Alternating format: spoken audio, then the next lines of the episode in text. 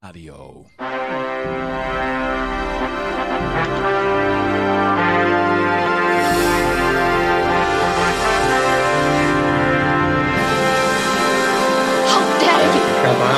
Ik ben niks. Veel meisjes, dit is weer een nieuwe aflevering van Vrijheid Radio. Leuk dat je luistert. We zitten hier gezellig in Café Libertaria met op dit moment uh, Jos. Ja, voor de helft. Die net klaar is met gamen. en uh, Lucas. En uh, heel misschien komt Peter er ook bij. Maar dat is vanwege persoonlijke omstandigheden. Kan het ook zijn dat hij er niet is. Dat zien we allemaal wel. En als hij er is, dan mag hij het goede nieuws brengen. Dat gaan wij niet doen. ja, laten we helemaal aan hem over. Um, ja, goed. Laten we gewoon beginnen met goud, zilver, coins en de staatsschuldmeter. En ja, voordat we daarmee beginnen, wil ik ook nog even mededelen dat je kan reageren op de uitzending in de chat. je kan het ook in de Telegram doen. Dat is, even kijken, me. Nee, wat was het? t.me slash vrijheid. Dan kom je in onze Telegram groep. En ja, goed. Um, ja, nou laten we beginnen met goud, zilver, bitcoins en de staatsschuldmeter. Ik heb, even kijken, weer een nieuw, nieuwigheidje hier in de, erbij. Ik zal hem even goed zetten. We beginnen even met, uh, laten we beginnen met, uh, met de olie voor de verandering. Moet je kijken wat ik allemaal kan. Hartstikke idee. Dan zien jullie allemaal op de stream de olieprijs. Um, de techniek staat toch voor niks tegenwoordig, hè, Johan? Ja, ja, ja, ja. ja. Hij staat op 42.01. Dat zal wel dollars zijn, hè? En uh, als je de grafiek ziet, dan is hij best wel gestegen deze week. En hij is nou weer met een kleine correctie bezig.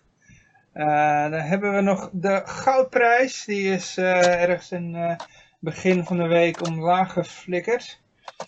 En hij staat nu, ja, het is flink omlaag gegaan. Hij is ongeveer 14% of zo. Nee, Zoals hier op de stream ook breed besproken. Wat zeg je? Ja, dat hebben we vorige week al aangekondigd bij de mensen. Ja, ja, ja. ja. Nou, het is uh, ja. 0,7%. Hij staat nu op uh, 1822. Nou, niks aan de hand nog. Niks aan de hand. Steeds vette winst. Ja, je kan ook uh, uitzoomen hier hoor. En dan zie je uh, van nou, de laatste zes maanden. Nou, dat is een kleine correctie op waar hij uh, eerder dit jaar aan begonnen was. Dan gaan we even naar het zilver. Die staat op 24 en een kwart dollar. Exclusief BTW. Wat zeg je? Exclusief BTW. Ja, ja, ja. Um, ja, dat is de spotprijs hè. ja, ja, ja. Dan gaan we even naar Bitcoin. Nou, daar is niet echt veel gebeurd. Die staat op 1500. Uh, daar staat 15.777 dollar. Dus doe maar er maar een paar. Ja, ja, ja. een beetje heen en weer geswingd deze week. Nou, dan hebben we nog de marijuana-index. Oh, die is wel lekker omhoog gegaan deze week. Hij staat nu op 129,57. Ja, en uh, nou hebben we nog de, de Staatsschuldmeter die staat op 383,4 miljard in het rood. Ja, goed. Ja, dan gaan we naar de berichten toe. Ja, we gaan het uiteraard deze week natuurlijk ook wel hebben over de verkiezingen. Want, uh... oh, ik zal hem even van de dingen afhalen. Hartstikke idee. Uh, ja, het eerste, eerst we, we hebben eerst twee eh, bitcoin gerelateerde berichten. De eerste gaat over nou, iemand waar we in het verleden ook wel eens over hebben gehad. De beste man die noemt zichzelf econoom, heeft ook wel eens een Nobelprijsje gekregen, geloof ik. Het is, moet ik het even goed zeggen, Dr. Doom is zijn bijnaam. En hij heet Noordi Rubini. Ja. ja. En die heeft uh, weer van zich laten horen. En dit keer is het ook alweer Bitcoin gerelateerd wat hij heeft lopen uitkramen. In een interview met Yahoo Finance ja, was, hij, was zijn mening over uh, Bitcoin een beetje omgedraaid. Dus hij was uh, in het verleden heel negatief over Bitcoin. En nu, uh, ja, in één keer draait hij een klein beetje bij. Maar hij laat wel blijken dat hij een Bitcoin maximalist is geworden. want hij noemt de rest gewoon nog steeds shitcoins. ja. ja, dit soort figuren, Johan. Ik bedoel, ze hebben waarschijnlijk vast een keer een goede trade gemaakt. Want anders dan krijgen ze niet zoveel aandacht. Maar van crypto geld hebben ze geen fluitverstand, toch? Ja, maar je moet even, het is, er valt wel wat voor te zeggen hij dan wat hij zegt. Want er, er zit wel een hoop bagger bij natuurlijk, hè? Nou, de euro is grotere bagger. De enige shitcoin die ik ken heet euro of dollar en, en daar hou ik het bij. En, en, en zelfs, uh, nou ja, je kan het zo gek niet bedenken, maar de, alles wat die man shitcoins noemt is nog altijd stukken beter dan, uh, dan die euro. Daar heb je wel een punt, ja. Ik zet even de microfoon een beetje goed. Zo. Maar wat heeft hij Want hij loopt altijd ontzettend uh, af te geven op crypto geld. En iedereen die erin zou investeren, die is al vanaf 2012 een maloot. In de tussentijd zijn we ongeveer 10.000 keer over de kop gegaan met de bitcoin. Maar volgens meneer Rubini is het allemaal uh, gebakken lucht. Ja, ja. Dit soort mensen die willen eigenlijk het liefste dat uh, iedereen alleen maar doet wat ze zelf zeggen. En als iemand anders zegt, ja, ik zie het toch anders, dan zegt hij gewoon, ja, je bent, uh, je bent een wappie, zegt hij dan. Je bent een complotdenker. Maar ze gaan eraan voorbij dat er een hele nieuwe generatie uh, mensen opstaat die niet zozeer uh, per se uh, een bank nodig heeft om hun te vertellen dat iets geld waard is, waardevol is. Mhm. En die gebruiken daarvoor het internet. En ja, deze man die, die leeft nou eenmaal van het feit dat hij dus veel goede vriendjes heeft. Dus ja, die zien dat niet zo zitten, zo'n bitcoin. Maar goed, hij heeft nu wat positiefs gezegd, begrijp ik. Ja, wat, hoe, zullen we het noemen, positief? Uh, uh, in ieder geval, bitcoin uh, noemde hij wel een soort van store of value. Ja, persoonlijk ben ik het daar niet helemaal mee eens, maar... dus ja, het is, ja, tenminste, eigenlijk kan je alles wel een store value nemen, noemen, weet je wel. Dus ja. wat dat betreft heeft het natuurlijk wel gelijk, maar dat, dat ja... Ik bedoel, wat, bepaalt nu eigenlijk nog de waarde van bitcoin? Het is een beetje een speculatief, uh, bedoel, ik natuurlijk bitcoin core, hè? Het, het, is eigenlijk puur een speculatief, speculatief dingetje en je kan er gewoon niet mee betalen. Nou ja, kijk, een, een deel wat natuurlijk de waarde zal bepalen is de rekenkracht van het netwerk. Als er minder ja, rekenkracht... En die rekenkracht is ook weer wederkerig afhankelijk van de prijs. Dus als de prijs omhoog gaat, komt er ook weer meer rekenkracht. Dus er is altijd een beetje kip en het ei verhaal.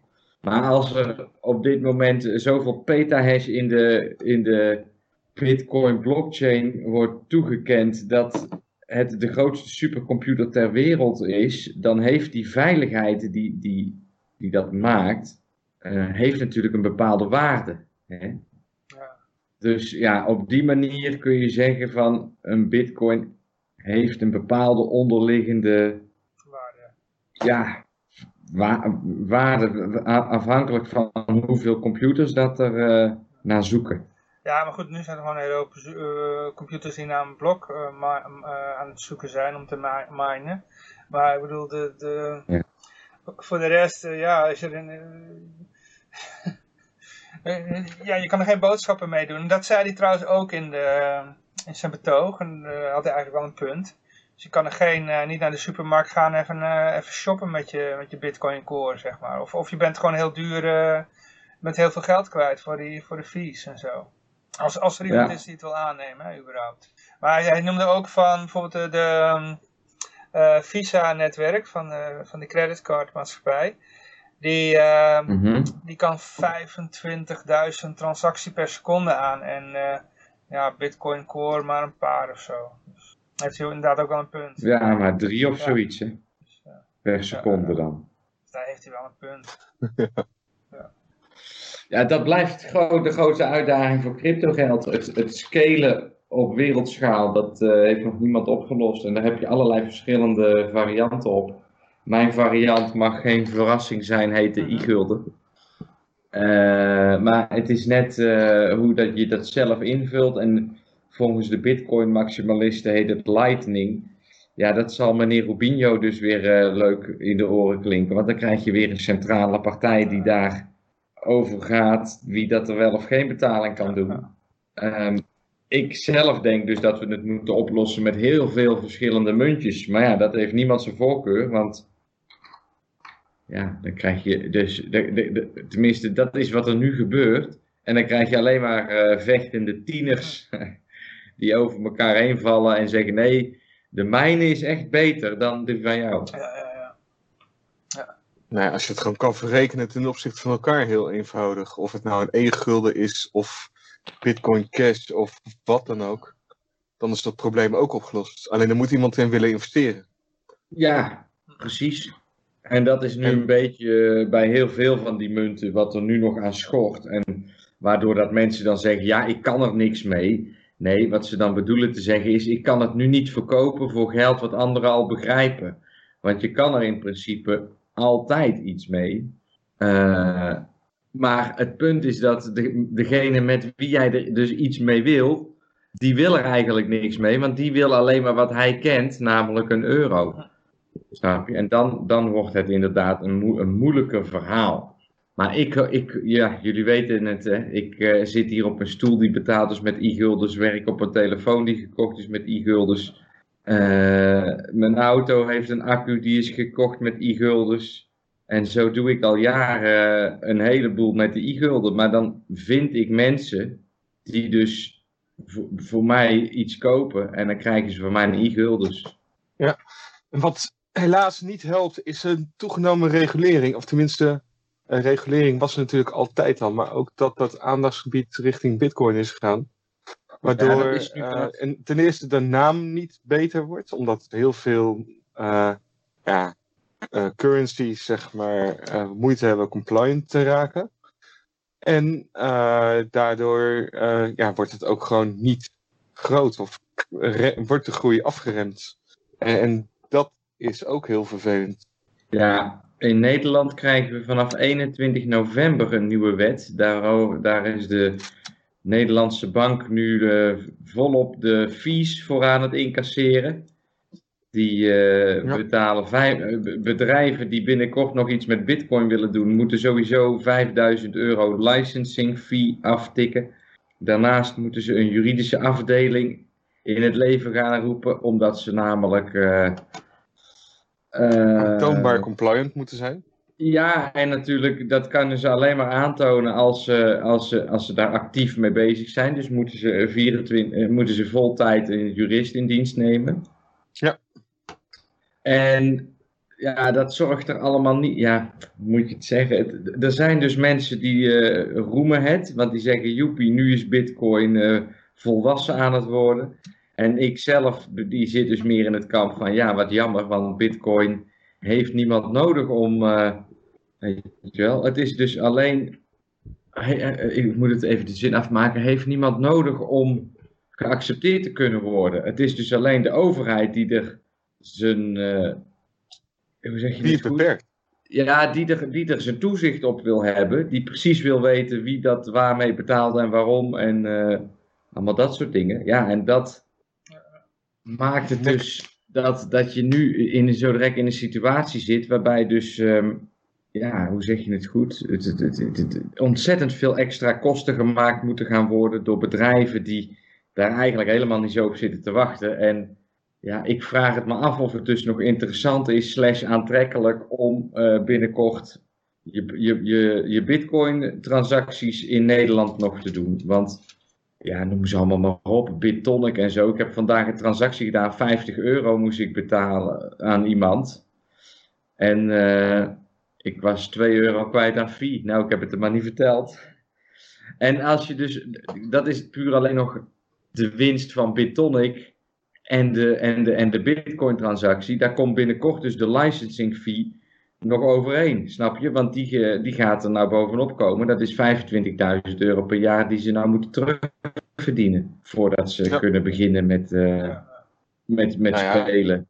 Plus de kosten van de mensen die dan die compliance moeten aantonen.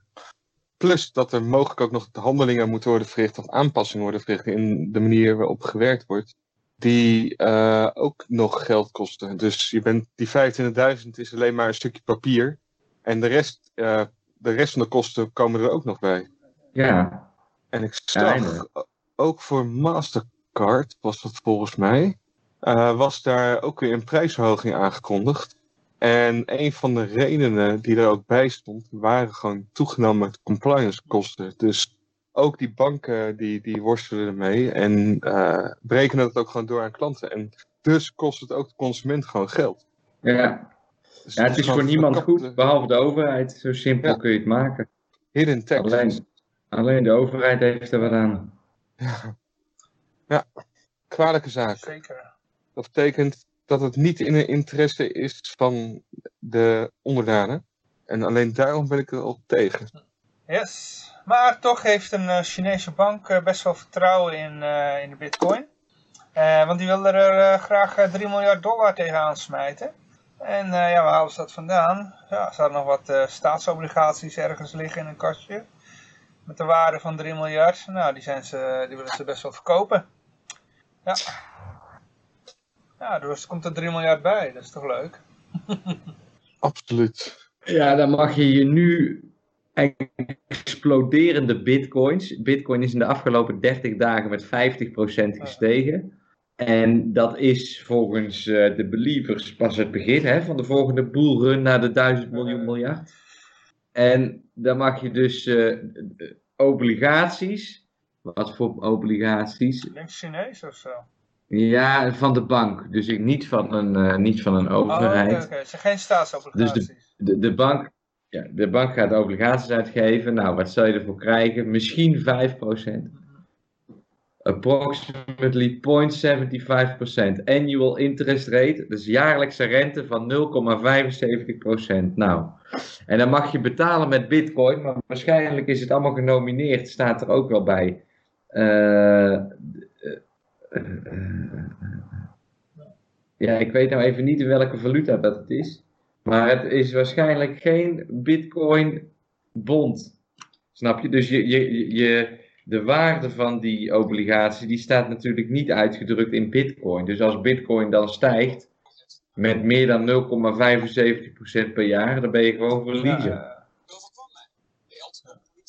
Dus uh, ik, um, nou ja, goed, kijk, op het moment dat Bitcoin de 1000 miljoen miljard aantikt, dan is het natuurlijk leuk om in die obligaties te gaan, want die obligaties zijn vaak veel meer liquide. Als zij voor 3 miljard willen verkopen, stel dat jij 1 miljard aan Bitcoins hebt, dan kun je die in één keer kwijt in die obligaties. Terwijl als je die 1 miljard op de markt moet zien te verkopen, dan wordt het een heel stuk lastiger. En zeker als je geen tether wil gebruiken, dan uh, is het bijna onmogelijk. Dus ja, op dat soort, op dat soort manieren is, kun je er wel uh, creatief mee omgaan. Maar dat zou ik echt alleen in de piek van de markt doen. Want anders dan ben je toch wel, uh, ja, is altijd moeilijk bepalen natuurlijk. Wanneer is het de piek? Maar zolang we nog geen all-time high hebben neergezet, raad ik het uh... niemand aan. Ja, ik, ik, raad sowieso niemand iets aan, want ik ben geen financieel adviseur. dus even de disclaimer. Doe toch even een Fibonacci retracement en zo. En dan even een trendlijntje trekken. Nee, doe ik niet. Ja, ik Dat doen. Ja, uh, ja, goed. Ik, uh... ja, in ieder geval, erg high risk. Zeg je? Als je, bitcoins, als je bitcoins bezit, dan is het erg onverstandig om dit soort producten af te nemen. Want bitcoin is zo volatiel, 0,75% kun je met daytraden per dag gewoon makkelijk halen. En uh, Moet je wel een beetje dat is per dag. Dus per dag en dus niet per jaar. Het enige punt is het volume. Dus ja, als je met meer dan uh, eh, 100 miljoen gaat spelen, ja, dan worden dit soort dingen wel interessant. Maar tot de 100 miljoen zou ik me er niet zo druk over maken. Ja, daar maak ik me niet zo druk over dan. Nee, nee, ik ook niet. Hey, Johan is weg. Ah, daar is hij weer. Oh, sorry, ja. ja. Ik was even naar uh, wat instellingen aan het kijken. Um, ja, we hebben nog meer berichten. Uh, ja, vlogger. Zeker. Nou ja, eigenlijk ben ik een soort vlogger, hè. Uh, verdienmodel vloggers op de, ja. op de schop. producten oh, ja. aanprijzen in ruil voor geld mag niet meer. Ja, maar dat dit nog een plan is, hè? Of is het al werkelijkheid? Nou, dat is door. Uh, kijk, dat is niet zomaar iets van YouTube, maar dat is het commissariaat van de media die dat uh, uh, vindt en ook gaat, op gaat toezien. En dus, ja, als je wat aan te prijzen hebt via hidden messages, dan ben je gewoon de Sjaak. Dat mag gewoon niet meer. En nou ja, dat is natuurlijk de vraag wat dat gaat doen met de, de vloggers die daarmee geld verdienen. Het zijn toch aanzienlijk wat. En uh, ja, ook hier geldt, tenminste als mijn persoonlijke mening erover, hoe moeilijker het dat soort mensen wordt gemaakt, uh, zeker uh, de, grotere YouTubers, YouTube-sterren, des te meer aandacht komt er van de schadelijke werk van de overheid. En komt er misschien ooit nog eens een keer zonder geweld een eind aan deze praktijk van de overheid. Dus ook vanuit dat oogpunt kan ik het alleen maar aanmoedigen dat dit uh, gebeurt. Ja, daar heb je een heel goed punt.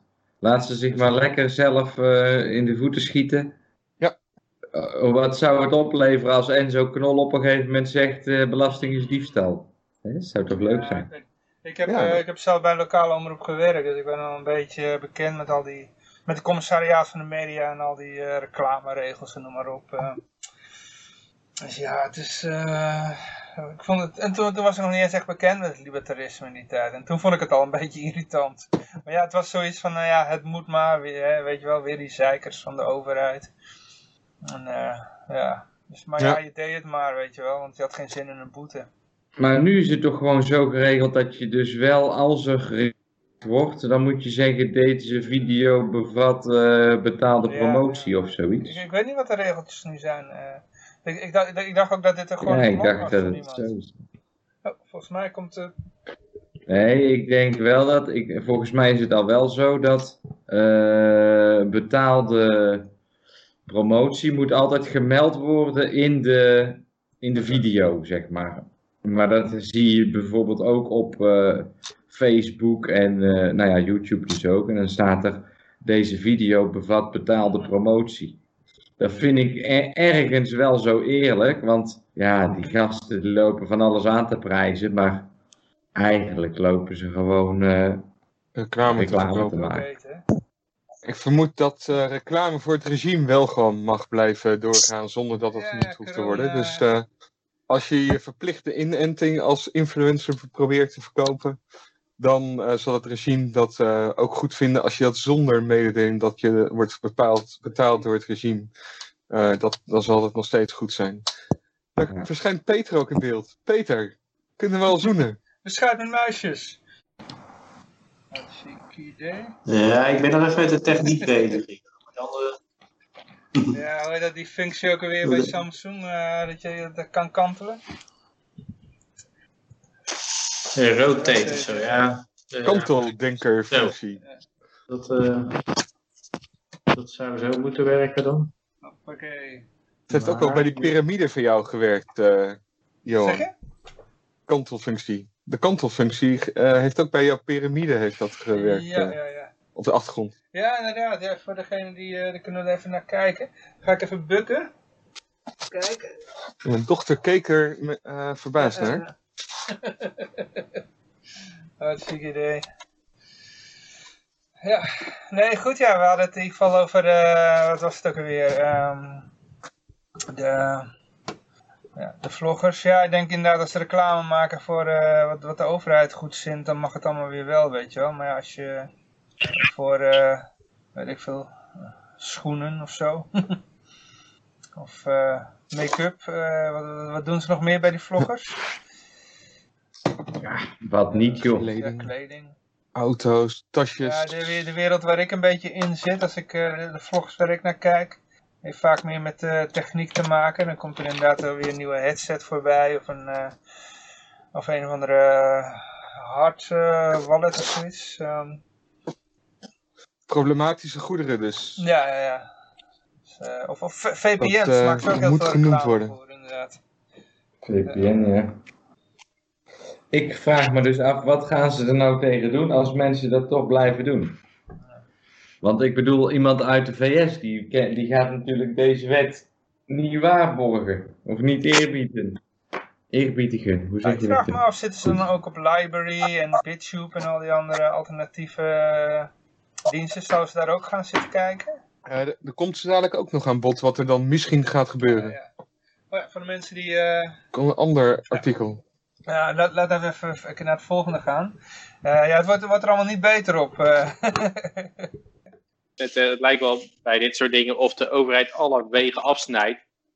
En dan de één overlaat. Van, ja, je, mag, je mag nog steeds propaganda verkondigen voor de overheid. Dat was, dat was toch dat die influencers die waren 65.000 betaald om, om corona-zooi te promoten. Ja, dat ze de overheid alle mogelijkheden afsluit, behalve, uh, afsluit, behalve die ene die, die dan uh, ja, promotie maakt voor hun. Dat is net zoiets als de hele economie naar de kleren helpen en dan uh, zeg je van, nou, je kan nog altijd in het leger hoor. dat, die mogelijkheid is nog steeds, er zat carrièrekansen in het leger. Ja, even, even die, die, oorlog gaan voeren. Los je de werkloosheidscijfers weer op, op de, de weg naar Moskou, zeg maar. Ja, ja je, je blokkeert eerst alle andere alternatieven. Dus je gaat zeggen, nee, je mag geen reclame meer maken als vlogger voor, uh, voor zeep of zo. Want dat is het grootste gevaar wat je kan voorstellen. Dat je dat, uh, reclame maakt voor Adidas schoenen of zo. En uh, ja, dan, maar ja, je mag natuurlijk nog wel steeds corona verkondigen dat dat ja, dodelijk is. Dat, kwam ja, dodelijk heel erg is. Heel erg. Dat kwam ook bij e- Event 201 naar, naar voren dat, uh, dat influencers moesten worden ingeschakeld. En ik denk dat kennelijk dat een heleboel influencers die hadden van ja, bekijk het maar met je, met je influencer. Ik ga gewoon met mijn bestaande adverteerders in zee. En uh, dan lost de overheid dat zo op. die zijn een beetje te onafhankelijk, die lui. Dat moeten we niet hebben. Ja, of ze vonden 65, uh, wat is het, 64.000 een beetje weinig. Ja, dat kan ook. Ja, sommige van die vloggers, die, uh, hoe heet die gast ook weer, die in uh, Scandinavië zit, die, uh, ja, die hij is ermee opgehouden. Maar die, die, dat is de, de grootste YouTuber. Die haalde ja, ontzettend veel geld mee op. PewDiePie. Ja. Ja, PewDiePie inderdaad. Ik in, in, in de, gaming, gamingwereld, dan, als, je, als je video's zoekt over hoe OBS werkt en zo, komen die mensen, er zitten er ook wel eens mensen bij die gewoon ja, een paar ton verdienen, weet je wel. Alleen maar omdat ze te... Ja, nou, dat was mooi voor hen. Ja, uh, maar ja, er zitten wel ja, uh, zeker, maar ik denk over... dat soort onafhankelijkheid... Wat zeg je? Want dat is heel erg versnipperd. Dat willen ze, denk ik. De overheid wil dat niet, dat soort versnippering van allemaal van die losse ZZP'ers die een beetje goed uh, zitten te beunen. Zij willen gewoon uh, drie grote social media die ze kunnen. Uh, ja, Facebook en, en Twitter en zo. En dan, dan zijn ze er tevreden mee. Maar uh, Peter, uh, hmm. ik weet niet of je nog het heugelijke nieuws met ons, uh, met, de, met de luisteraar wil delen. Nou, anders houden we het maar gewoon op dat jij heugelijk nieuws hebt en het gaat niemand wat aan. nee, nee, dat wil ik wel delen. Ik ben vader geworden. Ja. Dus ja, dat is wel een hele gebeurtenis. En was je daarvoor nog geen vader, Peter? Nee, ik was nog geen vader, nee. Oké, oké. En dan ben je het echt geworden. De kleine die is nou vandaag thuisgekomen. Eventjes in, het, uh, in de kliniek gebleven. Dat is ook wel apart hoe dat hier werkt. In de, dus ik, ik, zit in Kiev. En dan hebben ze eigenlijk een soort staatsziekenhuis. En, en het is gratis. Dus als je wil bevallen, dan... Uh, nee, het is gratis hoor. Maar het is wel de bedoeling dat je... Uh, het is de bedoeling dat je, dat je geld schuift. Maar dat mogen ze, mogen ze dan niet vragen, zeg maar. Dan moet je een beetje onder, onderhandelen over, oh ja, een beetje informeren, voorzichtig naar de prijzen op een privénummer bellen. En dan blijkt dus dat er binnen zo'n staatsziekenhuis draait eigenlijk een heel eigen privékliniekje. Waar, uh, waar je gewoon ja, de dokter betaalt. En die verdeelt dat weer allemaal onder zusters en, en de, maar ja, officieel is het nog steeds van de staat en het is allemaal gratis, maar ja, het is, het is niet gratis, want je, je betaalt er gewoon voor. Het is natuurlijk nooit gratis, maar, uh, maar ja, dat, dat, geeft dat het nog een behoorlijke kwaliteit heeft. Ja, want je uh, krijgt ook betere service dan als je betaalt? Ja, dan krijg je een privékamer en uh, ja, je, je cool. kan daarin differentiëren met hoeveel je betaalt en wat je daarvoor krijgt. Dus, nou, dat is in ieder geval keuze dan. Ja, je hebt hier behoorlijk goede privéklinieken. Dus ja, daar, wat dat betreft is de gezondheidszorg. Ja, ik denk als je naar de staatstoestanden, alleen op staatstoestanden wil vertrouwen, dan ben je niet best af. Maar uh, ja, er is een alternatief voor. Cool. Ja. Maar in Nederland wordt het ook steeds beter wat dat betreft. Ja, in Nederland zijn er van die sectoren, geloof ik. Hè? Als je bijvoorbeeld een MRI-scan wil doen, dan kan je geloof ik heel goedkoop in Duitsland doen. en oogziekenhuizen die zijn ook privé. Er zijn van die privé toestanden.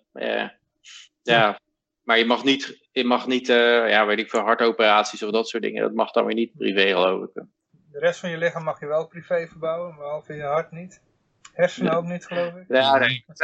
Het is meer een paar specifieke dingen die mogen privé. En het is inderdaad zo'n oogkliniek, uh, laser of zo. En, uh, ja, dat soort. Uh, ja, dat soort inderdaad, ja.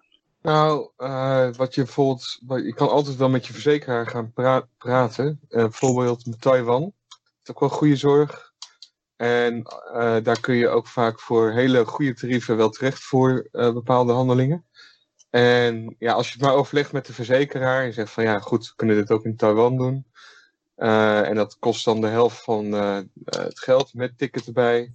Dan, en als dan is de kans aanwezig, of redelijk groot, dat de verzekeraar ook zegt van ja, ga maar. En kun je het ook in Taiwan laten doen. Maar dat komt omdat het geld bespaart. Als het duurder zou zijn, dan. Uh, Oost-Europa ook, hè? Ik hoor van collega's die een hele gebit hebben laten verbouwen in, ergens in Oost-Europa, omdat het daar gewoon hartstikke goedkoop is. En kwalitatief best goed ook, hè? Maar ook voor mensen die dan in, in, Nederland al ziekenhuis in en ziekenhuis uit zijn gelopen met bijvoorbeeld rugklachten, bijvoorbeeld, komt het heel vaak voor. En dan ja, lukt het maar niet in Nederland en ze zitten maar met pijn, en zitten onder de morfine en allerlei andere pijnstillers. En dan gaan ze naar Duitsland toe en dan in één keer is het met één kleine operatie van een paar minuten is het huppa in één keer weg. Dus ja, een paar van dat soort verhalen. Ja, rug, ik geloof dat de rugoperatie is wel altijd lastig. Hè? Dat is tenminste nou, een van de dingen die, ja, wat het, wat het moeilijk te repareren is. Het is altijd een beetje een crapshoot. Maar ja, ik, ik, ik weet ook van, bijvoorbeeld, ik heb een collega uit eh, China, die ging in Hongkong zijn ogen laten laseren. Maar die was natuurlijk al een beetje, die, die zette heel lang in Nederland. Die was hem niet meer gewend en die belde zijn zus van, ja, hij moet wel een afspraak maken dat ik in de pijplijn zit voor als ik daar langskom en zo. En die zus had iets van, ja, waar, waar is dat nou goed voor? Dat doe toch gewoon de dag van tevoren. En uh, het is dus inderdaad zo dat het gewoon heel makkelijk te regelen valt daar. Het is gewoon uh, ja, heel erg marktgeoriënteerd en je hebt daar geen wachtlijsten of toestanden. Het is gewoon uh, tegen een scherpe prijs en veel concurrentie en ja, niks, geen wachtlijsten van een drie maanden of zo. Ja. Dus, maar dat was hij ook al niet meer gewend. En dan merk je hoe snel dat werkt. Als je in een tijdje in zo'n cultuur zit, van de gezondheidszorg, dat je daar helemaal aan gewend bent. Ik, ik weet nog heel vroeger, met mijn ouders, dan kwamen de doktoren, die kwamen gewoon langs. Als je niet lekker voelde, dan belde je de dokter op en die kwam dan langs om te kijken wat de hand was. natuurlijk precies wat je wil als je niet lekker bent. Je wil niet op de fiets stappen om met je koorts aan of in je auto stappen met je enorme pijnen om naar de dokter te gaan. Maar nu weet ik, mijn vader ziek was, toen was het gewoon van, uh, ook als hij heel behoorlijk ziek was, dan zei de dokter gewoon van, uh, nou kom maar naar het spreekuur toe. En dan moet je echt iemand hebben die door de, door de snijdende kou met iemand van 80 jaar in een rolstoel naar de spreekkamer gaat. Maar dat is natuurlijk geen, geen klantenservice waar je op zit te wachten als je, als je daar al bakken, bakken geld voor neertelt voor die gezondheids, eh, voor die verzekeringen. Dan krijg je dat soort service. Ja, maar misschien moet je dan nog meer neerleggen. Dus dat uh, gewoon wordt gezegd voor 50 euro kom ik, uh, kom ik langs. Nou ja, dat is dus waar je, waar je, wat er ja, dat hier dan eigenlijk gebeurt, is dat er een soort tussencircuit bestaat van, uh, ja, en dan, dan schuif dan met een envelop erbij. Weten we heel goed. Uh. Ja. Ik hoor uh, ook wel eens van mensen, over Oost-Europa hoor ik ook wel dat soort verhalen, dat je dan gewoon, dat zijn collega's die er dan zijn geweest, weet je wel, die zeiden, ja, je kon gewoon naar binnen lopen en, en hoppa, het was ook zo klaar en dan kon je weer naar buiten, weet je wel. Niks geen wachtlijst ja. of lang van tevoren iets plannen of zo was gewoon, ja, in dit geval was het mm. wel zo van, dan kwamen ze in Nederland helemaal en dan, dan was er inderdaad wel een afspraak natuurlijk. Maar uh, ja, voor de vervolgdingen was het gewoon van, uh, kom maar gewoon uh, volgende dag en niet een vast tijdstip of zo. Ze konden zo naar binnen lopen en huppa, ze werden geholpen, weet je wel. Ja, ja. ja dat, dat merk je. Ik, ik heb ook gemerkt, in Nederlandse ziekenhuis, ik ben al een tijd niet geweest, maar ik kwam er een mm. keer. En het begon wel echt te, op mij te schelden, want ik had iemand mee moeten nemen om me terug te rijden. En dat had ik niet gedaan, want ik zei, nou, ik wacht wel tot ik uh, oké ben. En dan voel ik zelf wel aan of ik goed ben. En dan neem ik de tram of zo. Ja, maar je kan wel de verkeerde tram nemen en er, ergens anders uitkomen. En, oh, dat is enorm moeilijk te doen. Ik moest per se iemand bellen die mij dan terugreed. ja, ik heb het eigenlijk maar gedaan. Toen ging ze behandeling doen. Toen hoorde ik nog net, uh, voordat ik onderuit ging, dat ze de verkeerde behandeling van plan waren te doen. merk je dat, dat ze dus ze zitten op elke slag zout te leggen als het om jouw compliance gaat. En dan uh, als het om hun behandeling gaat, doen ze gewoon per ongeluk de verkeerde behandeling als je even niet oplet. Verkeerde been afstaan. Dus ja, dat... ja, dus het, wat dat betreft, dat, ja, die, die klant, uh, de klanten helemaal zoek wat dat betreft. Klantenservice. Uh, overigens zegt uh, Anouk nog gefeliciteerd. Dat is een van de luisteraars. Ja, bedankt. Maar uh, ja, we gaan weer verder met de berichten. Ik heb hier een uh, boos of streng kijkende politieagent. Oh jongens, oh jongens, oh jongens.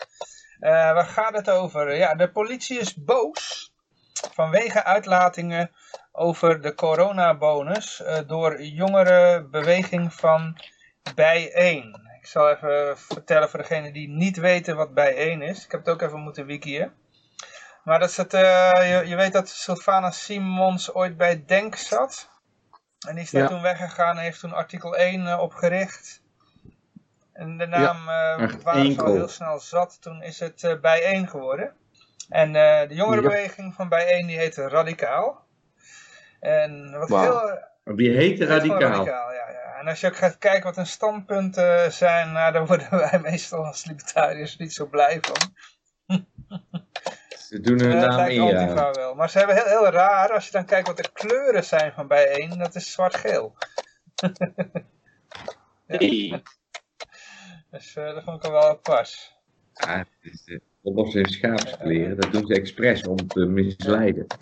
Ja, het is, uh, is Simons en Quincy en dan nog een paar mensen waarvan de, die, die namen zeggen me helemaal niks. Maar Quincy is die ene van, uh, wilde die slavernijbetaling of zo, uh, vergoeding of zoiets. En, en die was tegen zwart. En die wilde betaald worden voor niet geleverd werk.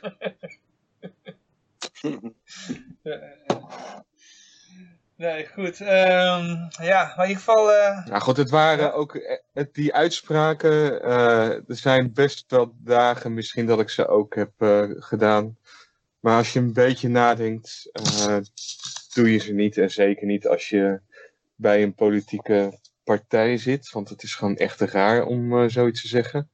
Aan de andere kant uh, was het wel grappig. En ah, scheisse, dat artikel natuurlijk net niet voor. Uh, dat die politieagent daar wel wat van zei, waarvan ik dan wel even moest gniffelen. Namelijk dat um, de vrijheid. oh ja, uh, vrijheid van meningsuiting is een groot goed. Nou, uh, daar heeft hij hier ook helemaal gelijk in. Maar het is spijtig te moeten constateren dat er op basis van vooroordelen en generalisa generalisaties politiek bedreven wordt. Maar ja, dat doen alle ja, politieke partijen doen dat. En nu komt dat dan even niet goed, niet goed uit en dan wordt het van gezegd. Goed uit en dan is het een probleem, maar het, gebeurt veel vaker. Als, als prominent hardrijder heb ik daar ook heel vaak mee uh, te maken gehad. Dus uh, ja, grappig dat dat opeens een argument is om iets erg te vinden. Ah, dit, maar... Peter, Oeh, je klinkt als een mars. Ja. ja. Oh jee, nu ben je weer te horen. Ik weer weg. weer te horen. Oké. Okay. Ja, ik denk dat er een NRC-tap tussen. Toch dat we de verkeerde microfoon pakten. Maar de uitspraak was... Uh, ja, 300 euro vangen, uh, even cash om je medemens te onderdrukken. Het racistisch is geen. Op zich, dat racistisch, daar geloof ik niet veel in. Dat denk dat dat, uh, ja, dat, dat, dat is overal die BLM, uh, dat ze dat naar voren brengen. Ik denk absoluut niet dat de Nederlandse politiemensen denken van nou, die is wit, die ga ik geen geld aftroggelen. en die is zwart, die ga ik wel pakken. Inderdaad een soort onderdrukkingsmechanisme.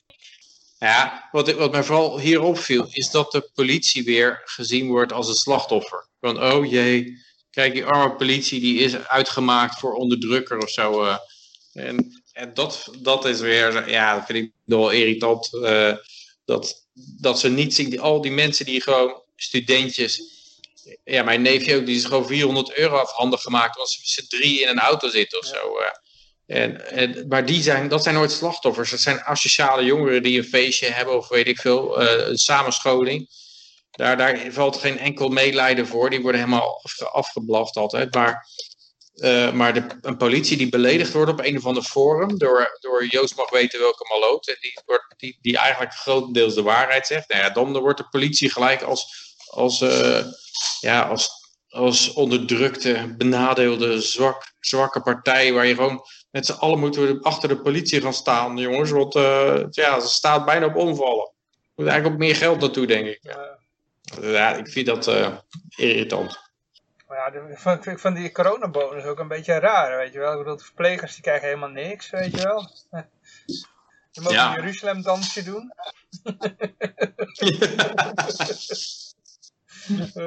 ja, wat is dat inderdaad? Nou ja, de verkiezingen komen natuurlijk wel aan. En ze merken ook wel dat er onrust in, uh, bij de onderdanen zit. En ik denk dat ze gewoon even met wat geld een, uh, de loyaliteit van uh, de ordentroepen willen kopen. En zo veilig de verkiezingen kunnen doorlopen om weer vier jaar de macht veilig te stellen. Ik denk dat er gewoon achter zit. Niks meer, niks Eigenlijk minder. is dit gewoon de VVD die stemmen koopt. Nou, je ja, ziet bij ook. in een land als Venezuela ook, hè, dat, uh, dat naarmate dat in elkaar stort, dat de ordentroepen, de, de, de, ja, de machtshandhavers, die krijgen enorme bonussen. Die krijgen in dollars betaald en die kunnen nog, nog uh, die kunnen gewoon in Caracas nog sushi eten en bestellen. Ondanks dat, dat, uh, dat de gewone mensen honger lijden. Maar de, de mensen direct om de machthebbers heen, die krijgen natuurlijk enorme privileges toebedeeld om, loyaal, om ze loyaal te houden. En uh, ja, dit, dit is een, een milde vorm daarvan. Ja. ja, maar mensen verwachten niet dat het hier gebeurt in dit soort uh, bananenlanden als Nederland. En dus uh, wordt het ook niet zo gezien. Sterker nog, ik bedoel... Maar is... als het in Venezuela zou gebeuren, dan zou men er bij wijze van spreken in het 8 uur journaal schande van spreken. Ja, of in Wit-Rusland of zo. Hè. Dat is ook zo'n land wat... Uh... Maar als je in zo'n land woont, die mensen die zien dat vaak zelf helemaal niet als, zichzelf niet als een bananenrepubliek. Hè? Ik bedoel, ik weet nog wel een tijdje terug, wij kregen toen al de berichten door vanuit de Venezuela, de mensen uh, de honden van de straat letterlijk aan het uh, braden en opeten waren. En terwijl dan, toen, ik kende dan iemand in Venezuela, niet, niet direct hoor, ik kende iemand en die kende weer iemand in Venezuela. En die zei van, nou ja, van haar krijg ik helemaal geen rare berichten over... Uh, maar ja, die zat dan aan, de, aan een beetje aan de goede kant, dat wil zeggen, goede kant. De... Um, die horen een beetje binnen de elite, zeg maar. Hè? Dus uh, de, de kring van Chavez, zeg maar. Die toen nog leefde. En dan, ja. uh, dan heb je ja, het nog redelijk goed. In... En dan merk je helemaal niet dat het uh, slecht gaat, weet je wel. Dus, mm. Wat in Venezuela vooral ook heeft meegespeeld, mensen die uit die Bolivar, was het volgens mij, waren gegaan. En in dollars waren gegaan.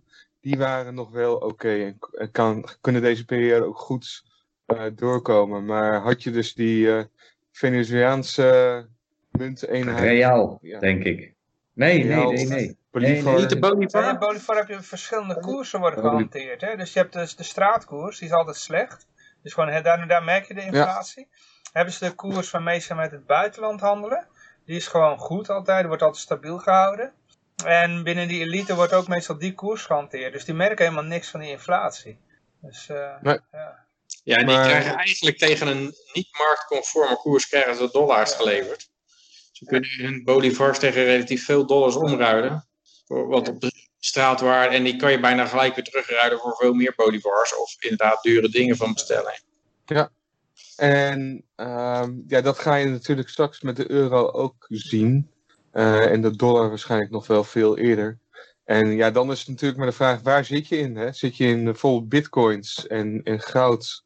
Ben je redelijk uh, safe. Maar denk je, of heb je nog oneindig geloof in, in de euro slash dollar? Ja, dan ben je gewoon de sjaak straks. Mogelijk. Mogelijk. Je weet het niet. Ja, maar ja, in de Venezuela waren natuurlijk ook aardig wat mensen bitcoin, uh, zaten daar met bitcoin te klooien. Ja.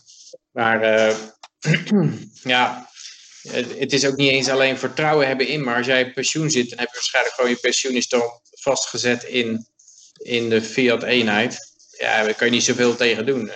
gewoon, uh, nee. ja. Een collega van mij uit Venezuela, die uh, liet ook gewoon via zijn telefoon zien hoe die server bij zijn vader in de meterkast ervoor stond. Dus kon het gewoon hmm. online volgen. Beheerde dat voor zijn vader. Ja. Want wij hebben daar toch heel vaak dus... het probleem dat de stroom ook regelmatig uitvalt per dag. Ja, maar UPS, dus een noodstroomvoorziening, ah. is ook gewoon een prima investering daar. Heeft ook bijna iedereen wel. Oké, we hebben nog heel veel onderwerpen en uh, nog maar 2,5 uur van deze dag. Inderdaad, laten we verder gaan. Uh, nou ja, in ieder geval, uh, we gaan even, want ja, de politie die kreeg dus een bonus, zoals ik al net zei. En uh, wat doen ze allemaal voor die, voor die bonus? Ik heb hier even twee voorbeelden gehaald. om een voorbeeld te geven. Ik heb ze niet allemaal gedaan, want er waren zoveel van dit soort berichten. Dat, daar kan ik een complete uitzending mee vullen. Maar dit, dit was wel heel erg schrijnend.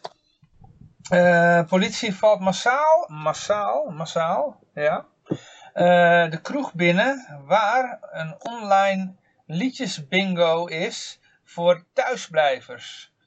Ja, alsof ze een crimineel netwerk aan het oprollen waren.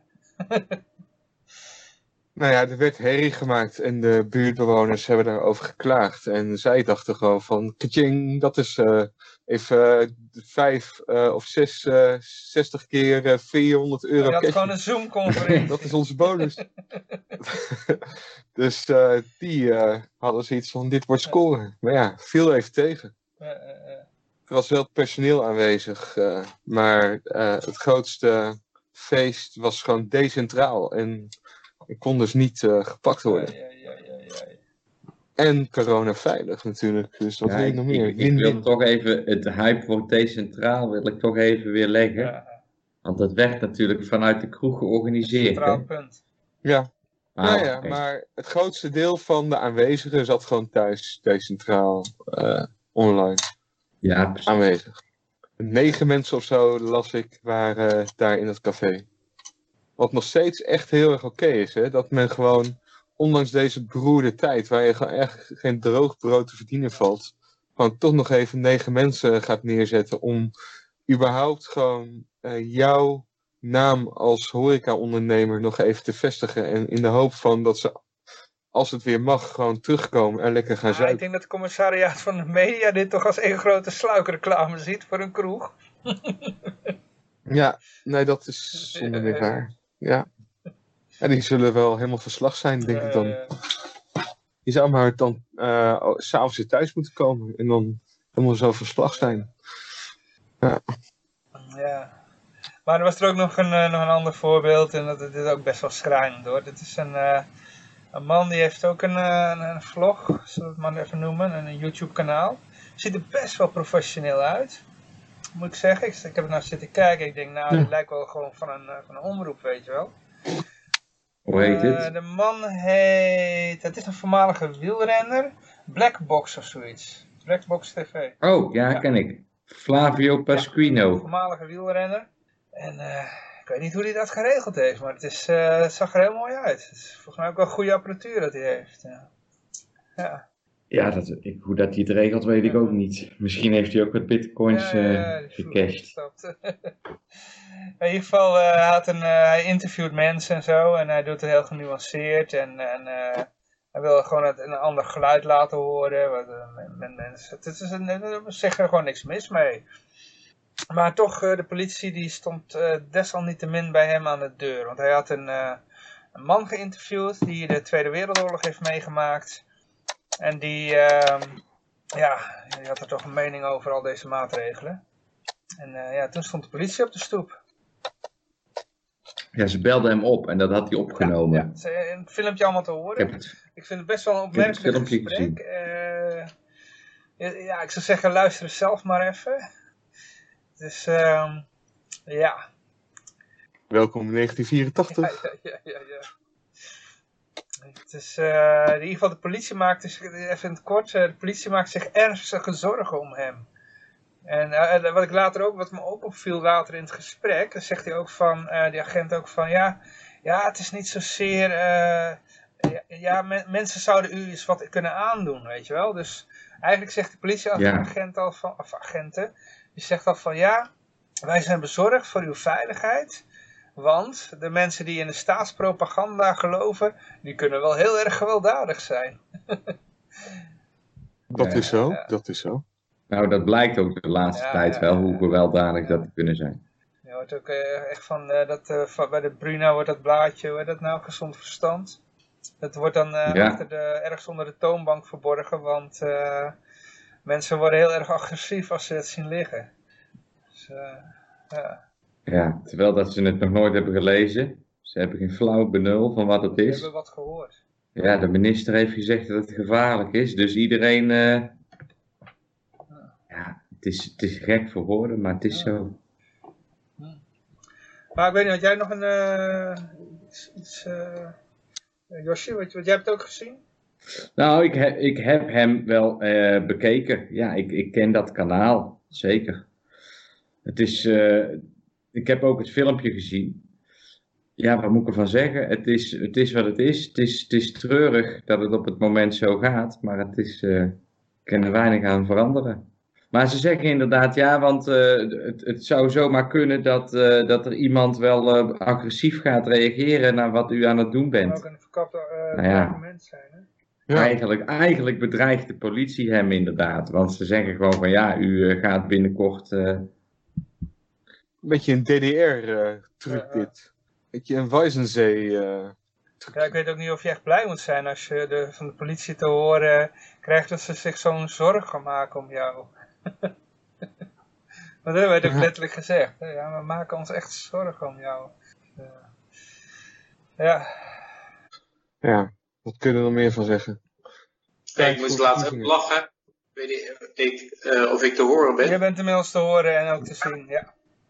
Hey, ik zag zo'n plaatje van... Uh, zag je buiten een restaurant, er stond een tent opgesteld. en dat is van, ja, je mocht je mocht dan, uh, vanwege corona mocht je niet binnen je restaurant hebben, maar buiten mocht wel. Maar ja, uh, dat is natuurlijk aan de elementen blootgesteld. Dus dan gingen ze daar weer een tent omheen zetten. Maar dan zit je eigenlijk gewoon weer binnen. Alleen oncomfortabel. Dus je mag eigenlijk wel een restaurant hebben, maar, maar uh, je mag alleen buiten zitten. Maar dan zit je toch zit je binnen, maar eigenlijk zit je buiten, zit je binnen eigenlijk. dus ja, bij dit soort dingen, en de, en de hele coronatoestand zit er natuurlijk vol van. Dan vragen mensen zich af van, ja, waar gaat het daarover? Uh, waarom uh, zijn de drankwinkels en, en gokken zijn wel essentiële beroepen, maar kleding kopen, onderbroeken niet of zo? Ja, sterker nog, ik kom er nou achter van, ik wil komend weekend even gaan fietsen. bij een vriend van mij in de buurt. En, uh, maar ja, dat mag dan niet volgens de nieuwe regels. Want uh, dan zijn we met z'n drieën aan het fietsen in, ergens in de buitenlucht op de heide. En ja, dat, is, dat mag niet. Waarom, weet ik niet. Maar ja, misschien zou ik nou kunnen... Ja, ik hoorde laatst ook zeggen, de natuur was te vol. Hè? Dan gaan ze zeggen van, je mag alleen hier en hier uitgaan eigenlijk. Dat is het enige vermaak dat je mag hebben. Een beetje in de bossen wandelen. gaan mensen in de bossen wandelen. Oh, er gaan veel te veel mensen in de bossen wandelen. dat loopt de spuigaten uit. Ja, waar hij woont, daar is, het, uh, is geen kip te bekennen hoor. Dat is echt uh, ergens in het oosten. Dus uh, ja, dan kan je heel lang fietsen ja, zonder iemand tegen te komen. 1200 euro. Zeg je? Kunnen drie agenten weer kunnen drie agenten weer een bonus uittrekken. Ja, ja. Dus met z'n drieën. Ja, daarom doen we het maar niet, hè. Dus, uh, ik had zoiets van, hm. kom op jongens, een beetje burger, burgerlijke ongehoorzaamheid, maar ja, ik sta dan weer daar weer alleen in. Maar, uh, je kan anderhalf meter fietsen, toch? Nee, nee, nee, je mag gewoon niet, uh, dan ben je een groepje. ja, wanneer ben je dan een groepje? Zeg, die gast heb ik nog nooit gezien, zeggen. Die, die, die halen mij in. Ja, ik weet hem niet. We kennen hem niet. ja, dat zei ik ook, maar ja, goed. Uh... Maar ja, um, we gaan even naar die uh, nieuwe maatregelen even kijken. Binnenkort grote wijzigingen in testbeleid. Ook mensen zonder klachten aan de beurs. Ja. Nou, nou ja, het kost tijd, maar op zich uh, kan het natuurlijk geen kwaad om even zeker te stellen dat je niet uh, besmettelijk bent op dat moment. Ja, maar goed, niet iedereen dus, zit te wachten op een wattenstaaf in de neus, hè? Nou, maar goed, ik heb het ook gehad en het viel wel mee. en, tenminste voor mij dan, uh, met mijn fysieke gesteldheid. Er zijn ook mensen die er echt uh, nachtmerries van hebben. Dus, uh... Ja, ik wil altijd eventjes weerleggen dat er niemand besmettelijk is als ze een positieve PCR-test achter de rug hebben. Nee, klopt. Zeker niet als er 45 ja berekeningen op zitten. Of hoe heet dat? Ja, circulatie, cycli. Ja, maar het is, het is zelfs zo dat die test die is ook helemaal niet geschikt om mensen zonder klachten. Kijk, als je iemand met klachten hebt, eh, die, dat je denkt van nou, die zou wel eens corona kunnen hebben, en dan doe je zo'n test, dan is de betrouwbaarheid in ieder geval nog een stuk groter dan dat je zomaar random mensen gaat lopen testen. Dan krijg je een enorme berg false positives.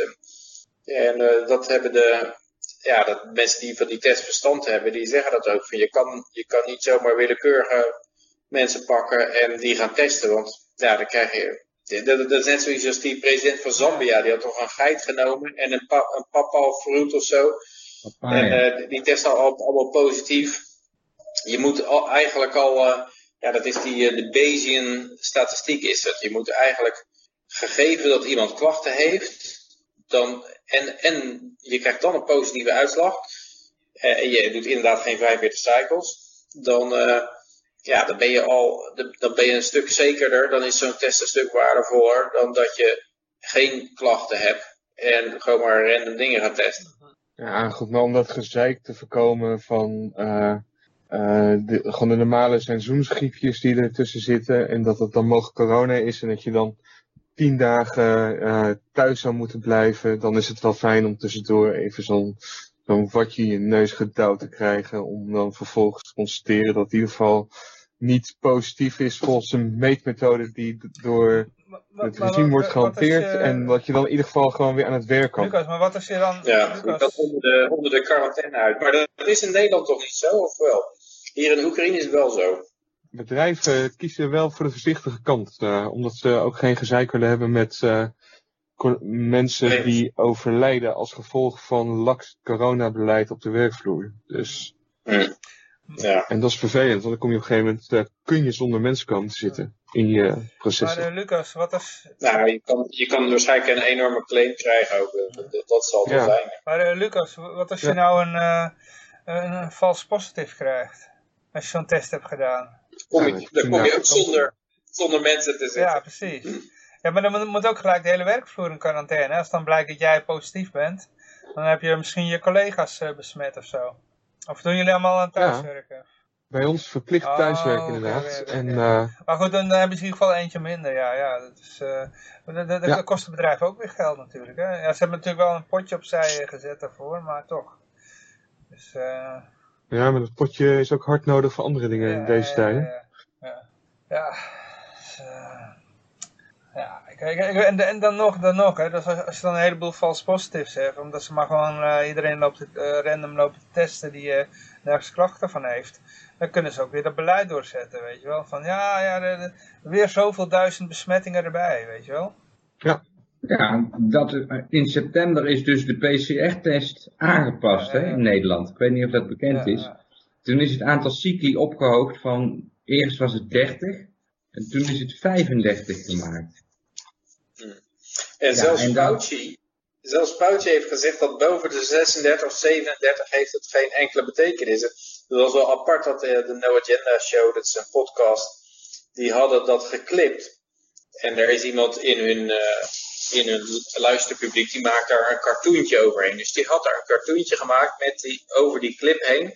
Dat Fauci zegt, PCR-test boven de 36 is, uh, zegt helemaal niks meer.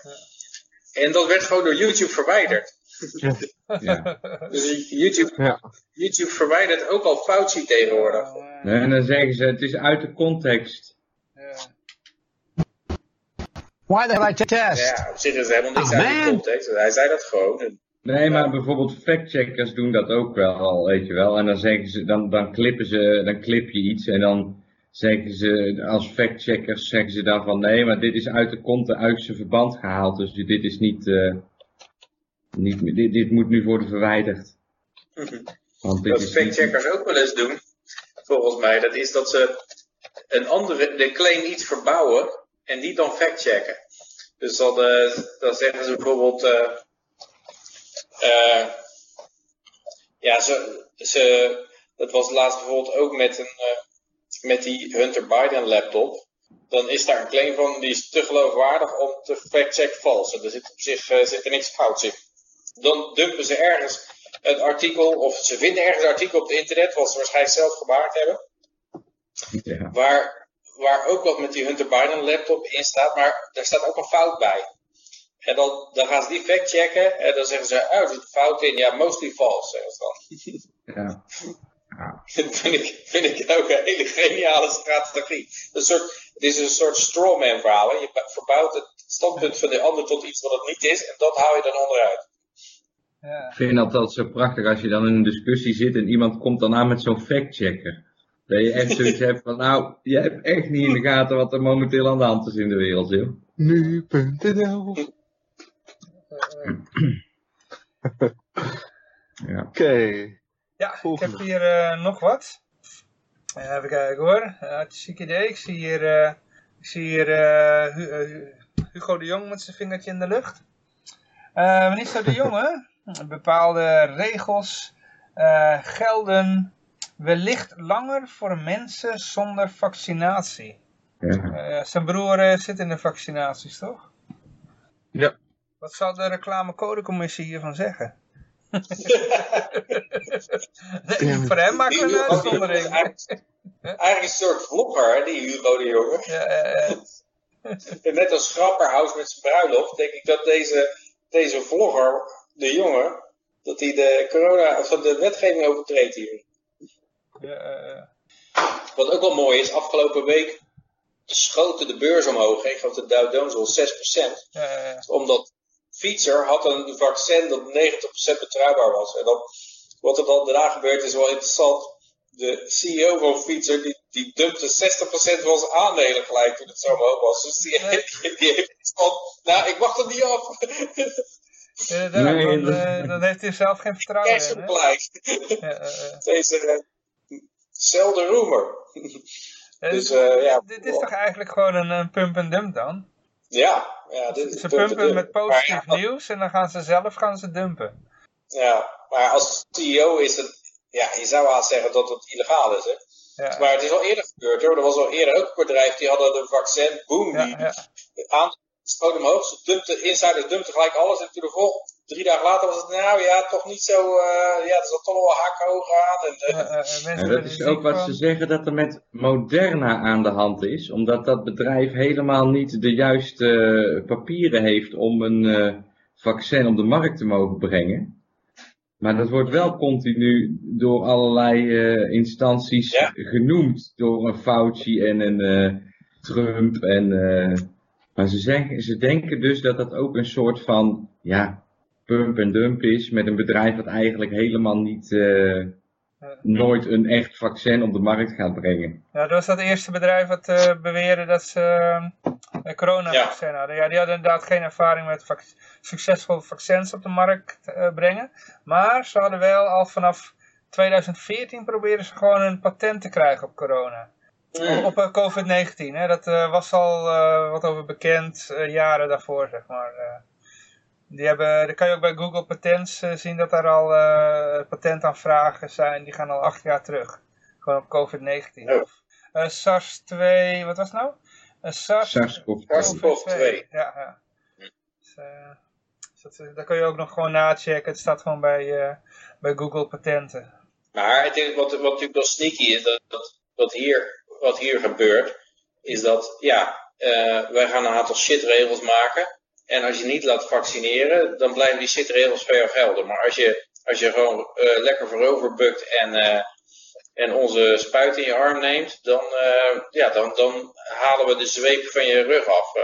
of, ja, en dat is, dat is wel een shitmaatschappij. Want dan moet je die rotzooi, die, die totaal ongetest is en waar, waar, want ze zeggen ook van na, na een paar maanden zeggen ze van, ja, nou het is getest, geen bijwerking, het is safe en effectief.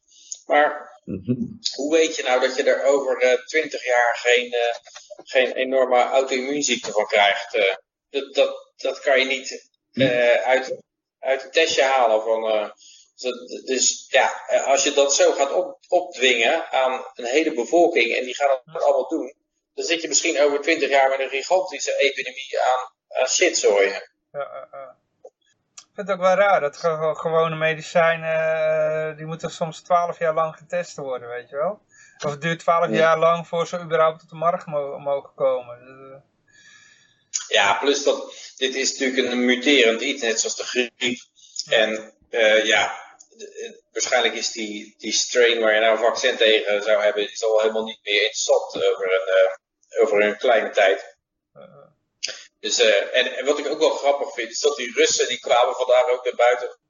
Ja, ons vaccin is 92% effectief. dus dan hadden ze 2% meer dan, dan de Pfizer-vaccin. En, en Maduro heeft ook een vaccin. Hè? Oh, ook een, oh, jee. Dus, uh, ja, dus dat vind ik altijd wel leuk om te gebruiken tegen die mensen die het over antivaxers hebben. En die, die blind alle vaccin, alles waar een vaccin op geplakt zit, allemaal als goed verklaren, veilig en wel effectief. En iedereen is een alihoedje die daar ook maar enigszins kritische vragen bij stelt. Zeggen, nou, uh, heb jij het Poetin-vaccin of het Maduro-vaccin al genomen? En dan, uh, dan, die mensen hebben ook het idee van, ja, wacht even, dan, uh, ja, daar heb ik er ook wel een beetje bedenkingen bij. Ja. Maar heeft Maduro al zijn uh, Maduro-vaccin genomen? Of een placebootje? Poetin heeft, Poetin heeft het Poetin-vaccin aan zijn dochter gegeven. Ja, gelul. Dat is gewoon water. ja, Russisch voor water en vodka. Je zag er ook laatst dat uh, de jongen dan... De jongen kreeg ook zo'n spuit en toen zat het dopje dat er nog op. ja.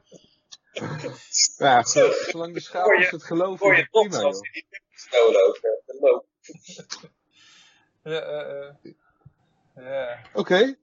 Ja, maar uh, ja, ja we, gaan, we, gaan, nog even verder, want we hadden nog meer. Uh, het houdt nog niet op, niet vanzelf. Hoe vaak het tegenwoordig niet voorbij is gekomen. Hè? Als er dan weer zo'n zo'n zo'n bericht uh, de wereld ingeslingerd is. Um, waar was ik eigenlijk? God, even kijken hoor. Oh ja, hier. Um, oh ja, dit, dit werd nog even door, door, door Jurjen gepost. Uh, naar aanleiding van uh, de berichten die nu allemaal voorbij komen. Uh, dit heet medische gegevens gebruiken en delen. Het gaat over de privacy omtrent medische gegevens. de uitvoeringswet voor AVG. Ja. Ja, ja, daar zijn regels voor. voor het verwerken van gezondheidstoestanden van mensen. Ja, die hebben de geheimhoudingsplicht en, uh, en zo. En uh, in ieder geval, er is... Ja. Uh, oh, er wordt ook trouwens ondertussen wat gepost in de chat. als jij even verder gaat, Lucas. Ah goed, er gelden regels voor. Die regels zijn wel in de loop van de tijd veranderd. Met name temperatuurmeten was wel interessant. Want als je dat in het begin deed, dan mocht dat alleen door een medisch of door een dokter gedaan worden, niet door iemand die geen dokter zou zijn. En vastlegging daarvan mocht ook niet. En dus zou het eigenlijk sowieso niet mogen. Maar, uh, ja goed, bedrijven gingen dat toch doen voordat mensen op hun terreinen kwamen. En uh, uiteindelijk is dat wat aangepast en is er gezegd van je, je mag gewoon meten. Dat, dat is geen probleem, maar je mag het niet vastleggen. En uh, als je mensen weigert op je terrein, mag je dat ook niet vastleggen. Uh, om, om die reden met vermelding van temperatuur. En uh, ja, dan vindt de ziekmelding die dan vervolgens plaatsvindt, gewoon op, op het uh, reguliere manier plaats via de officiële ziekmelding. Uh, al dan niet in combinatie of met betrokkenheid van de bedrijfsarts.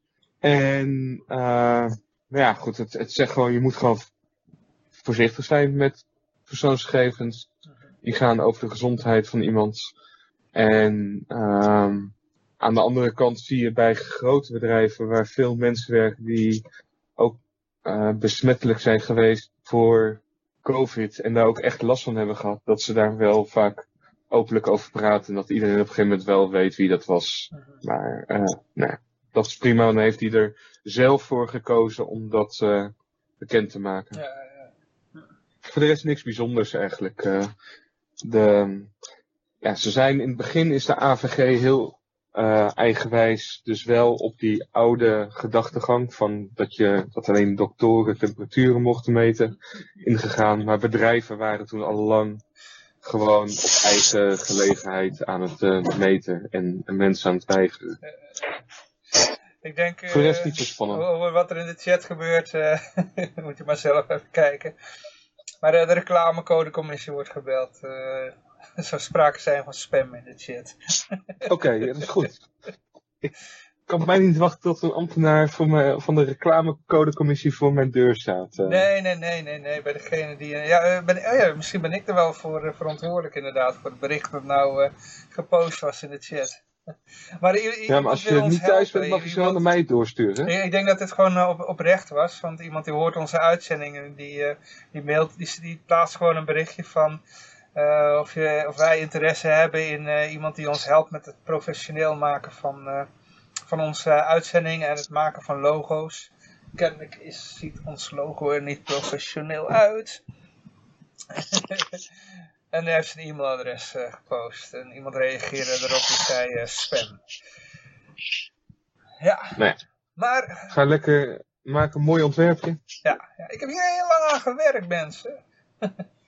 Een hele middag. Kan altijd beter. Ja, ja het kan altijd beter, inderdaad. Ja. Maar uh, we gaan nog even naar de, de NS toe, het staatsbedrijf. Want uh, ja, 100% van de NS-aandelen zijn allemaal in handen van de staat. Dus dat maakt de NS een staatsbedrijf en geen privaatbedrijf. Uh, de NS wil dat de reizigers ehm, de treinreis vooraf aanmeldt om drukte te vermijden. En het doet me een beetje, dit geeft me een DDR-gevoel, want daar ging het ook zo. Als je binnen DDR op reis wilde, dan moest je dat vooraf aan de ambtenaar melden. Ja, je ziet op Twitter ook allerlei mensen die uh, dus uh, hun treinreizen vast aankondigen bij de Nationaal Spoorwegen. Uh, en ja, dus, mensen doen dat al vrijwillig. Hartstikke goed. Uh, waarschijnlijk ja, coronagevalletjes in die uh, lege treinen die ik uh, af en toe zie rijden als ik even buiten ben. Ja, in de spits zijn ze natuurlijk wel allemaal druk, allemaal vol, hè? want ja, ze hebben minder treinen ingezet vanwege corona. Dus wat er op neerkomt dat er in de spits gewoon vollere treinen zijn. Dus, ja, ik vond dat okay. wel Oh, je hebt ook met de trein gereisd, gere, gereisd tijdens de spits? Nee, nee, nee, ik zag foto's voorbij komen op sociale media. Dan zag je echt, oh, okay. uh, staat ze allemaal hutje mutje in een uh, treincoupé. In de spits, want er waren twee treinen, die reden dan niet uh, vanwege corona. En ze waren ook allemaal korter, hè, de treinstellen. Dus dan krijg je gewoon zo'n bottleneck situatie.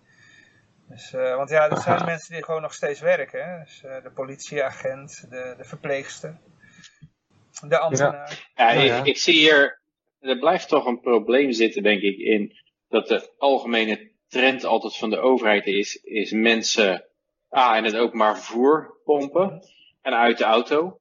En B in een groot flatgebouw planten en uit een, uit een, een huisje op de hei. Want ze willen ze makkelijker controleren. Dat lukt gewoon makkelijker als ze in een groot flatgebouw zitten met z'n allen dicht bij elkaar. En als, uh, als ze in een grote corporatie werken, niet, uh, niet, niet als, uh, als vlogger zeg maar hun eigen geld een beetje verdienen. Mm -hmm. en als ze in een, in een grote trein stappen en, en, en collectieve. En het staat een beetje haaks op de hele coronatoestand. waarin, waarin je juist moet een beetje uit elkaar moeten houden en mensen daar het platteland af hoe ze dat op gaan lossen. Ja, ja. Dus, uh, inderdaad, uh, ja, de maatschappij gaat steeds meer lijken op uh, het Oostblok in de, in de, ja, in de, in de Koude Oorlogstijd, zeg maar. Hè? Dat je ook in die enorme woonblokken en ja. Ja, wel een oplossing de Bijlmer, voor... Ja, Peter? Nou, zoals in de Bijlmer was het typisch zo'n geval van de PvdA. Zo'n zo'n enorme... ja, je hebt elke werker drone is uitwisselbaar waar, waar voor elke andere werker drone. En uh, ja. iedereen dan net mensen van mouwpakjes. En dan hadden, ja, iedereen droeg een mouwpakje, wat je natuurlijk een enorm gevoel van uitwisselbaarheid geeft. Dat jij helemaal niet bijzonder bent, want je kan zo vervangen worden door een andere, andere worker drone.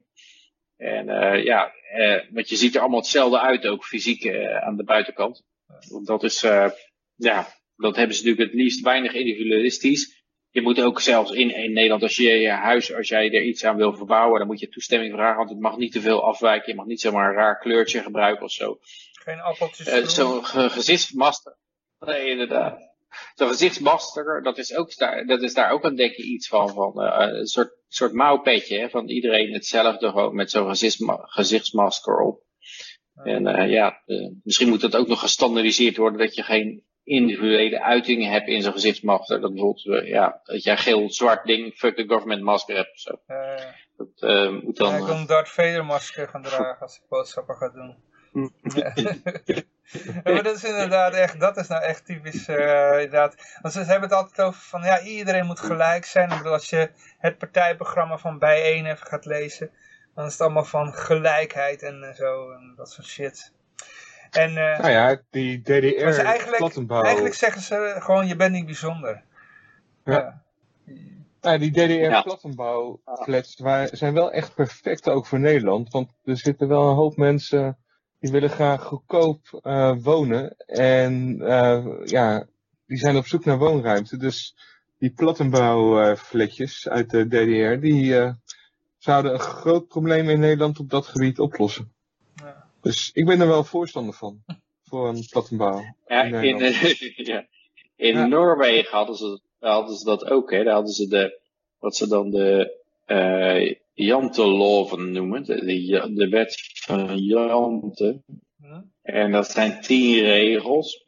En die zijn allemaal in de, in de trend van Denk maar, denk maar niet dat je slimmer bent maar, dan anderen. Denk maar niet dat jij uniek bent. Denk maar niet dat jij bijzonder bent. Denk maar niet dat jij het beter weet. En dat leren kinderen op school krijgen die Jantelo ingeprent. Waarbij ze eigenlijk helemaal plat gedrukt worden. Dus als je ook maar als je denkt, oh, ik, kan, uh, ik ben goed in uh, polstok hoog springen. Ik kan hoger springen dan de rest. Denk maar niet dat je beter bent. Het wordt gelijk uh, glad ge, gedrukt. En, en, wat er vreemd genoeg toe leidt, uh, dat heel veel Noorse jongeren naar het buitenland gaan. Want ja, als je dan het idee hebt van, nou, ik kan goed studeren en ik wil arts worden.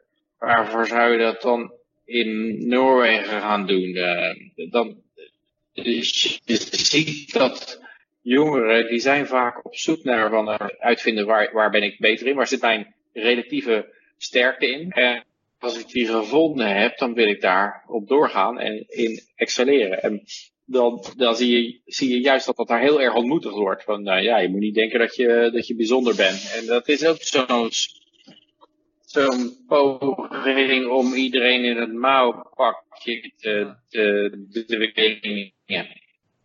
Ja, waarbij je in Noorwegen nog een ander probleem hebt. En dat zijn de hoge minimumlonen. Uh, waardoor eigenlijk uh, een groot deel van de bevolking ook buitenspel wordt gezet. En dus inderdaad gewoon gelijkmatig wordt, namelijk gewoon werkloos. Ja, ze hebben daar nog een enorme, het is een soort uh, Saudi-Arabië, ze hebben een enorme olievoorraad. Daar kunnen ze nog heel, heel goed die droom mee handhaven. Ze hebben dus ook een heleboel mensen die, ja, die kunstenaar zijn en dat soort dingen. Maar dat wordt eigenlijk allemaal betaald vanuit de staat. ja. ja, dat kun je zolang je enorme berg olieinkomsten hebt. Ja. ik meen dat ze die olievoorraad niet zozeer, want dat is, ze hadden wel geleerd van uh, de, hoe dat, de Dutch disease geloof ik. Hè? De, Nederland werd, uh, de, uh, de gaswinningen werd heel erg gebruikt voor die verzorgingsstaat. En dat wilden ze dus in Noorwegen juist niet. Dus die hebben het juist wat verstandiger aangepakt, had ik begrepen. Dus onder andere gewoon zorgen dat ze geen... Ja, ze hebben wel een, enorm fonds opgericht. Ze hebben het heel enorm geïnvesteerd. De vraag is daarvan altijd van... Uh, ja, je kan ook bijvoorbeeld enorm investeren in staatsobligaties. Ik zeg, nou kijk, onzin. We hebben het niet gewoon uh, uitgegeven als, als, als waanzinnigen, mhm. zoals in Nederland. We hebben het geïnvesteerd in staatsobligaties. en wat, wat je dan in feite doet, is dat je dat uitleent aan je buur, buurambtenaar. Dus uh, ja, je hebt staatsoliemaatschappij, Statoil is het in Noorwegen. En die, vangt, die haalt een heleboel geld op. En die gaat het dan, dan geef je het aan de ambtenaar naast jou in het, in het andere kantoor. En dat leen je dan uit, zeg maar. En hij belooft plechtig dat hij dat terug gaat betalen. En hij gaat daar allerlei artiesten en muzici en kunstenaars van subsidiëren. En dan doet hij dan investering. En dan zegt zo'n zo'n, uh, ja, de staat zegt dan van, nou, maar ja, we hebben al het geld geïnvesteerd, want er staat een enorme, er zit enorm veel geld in staatsobligaties uh, en dat krijgen we allemaal terug. Maar ja, dat is, ja, dat is, uh, uh, is een beetje verhullend. Ik meen ook dat ze, de, dat ze heel veel van die socialistische dingetjes van vroeger, dat ze dat jaren 80, 90 allemaal zijn gaan afbouwen. Dus dat ze juist... ik geloof dat de Zweden dat wel aardig gedaan hebben. Die hebben natuurlijk geen olie. En die hebben, die hebben wel zaken teruggedraaid, dacht ik. Ja. Ja, en er is ook wel flink geïnvesteerd door uh, Noorse staatsfonds in uh, bijvoorbeeld huurwoningen in Nederland. Uh, dat zijn ze wel ook weer langzaam aan het afbouwen, omdat daar de bevolking ook veroudert. Maar ze hebben ook in Nederland zijn ze gaan investeren. Dus dat is op zich mooi, want daardoor kunnen mensen weer huurwoningen ja. betrekken. Nou, het is ook zo. Iemand die dan geneeskunde heeft gestudeerd, maar daar hebben ze dan in, in Noorwegen geen plaatsen voor. En die worden dan gekocht in Nederland. Dus dan uh, wordt er een plaats van een Nederlandse student eigenlijk ingepikt. Omdat de Noor Noorse regering heel veel betaalt. En dan wordt er een Noor neergezet. Ja. En Noor opslaan. En, en, op zich, ja, vraag me af wat daar nou het rendement van is. Ik ken iemand die dat gedaan heeft. En, en het idee is dan dat ze worden verzocht om terug te keren naar Noorwegen. Om, en dat was ook origineel diegene zijn plan. Om ergens in de Rimboe in Noorwegen te gaan werken. Want ze, de Noorse staat die wil dan graag dat er ook artsen aanwezig zijn ergens in de Rimboe, uh, ergens in het noorden bij de Poolcirkel. Ja. Die betalen daar. Hè?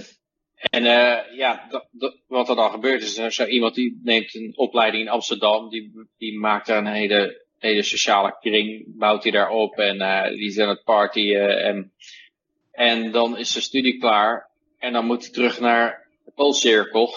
en dan zegt hij van, nou, weet je wat? ik zie toch meer mogelijkheden voor mij in, de, in, de, ja, in het bevolkte gebied van Europa. In het en dan zijn ze eigenlijk die investering. Ja. Dat, uh, ja.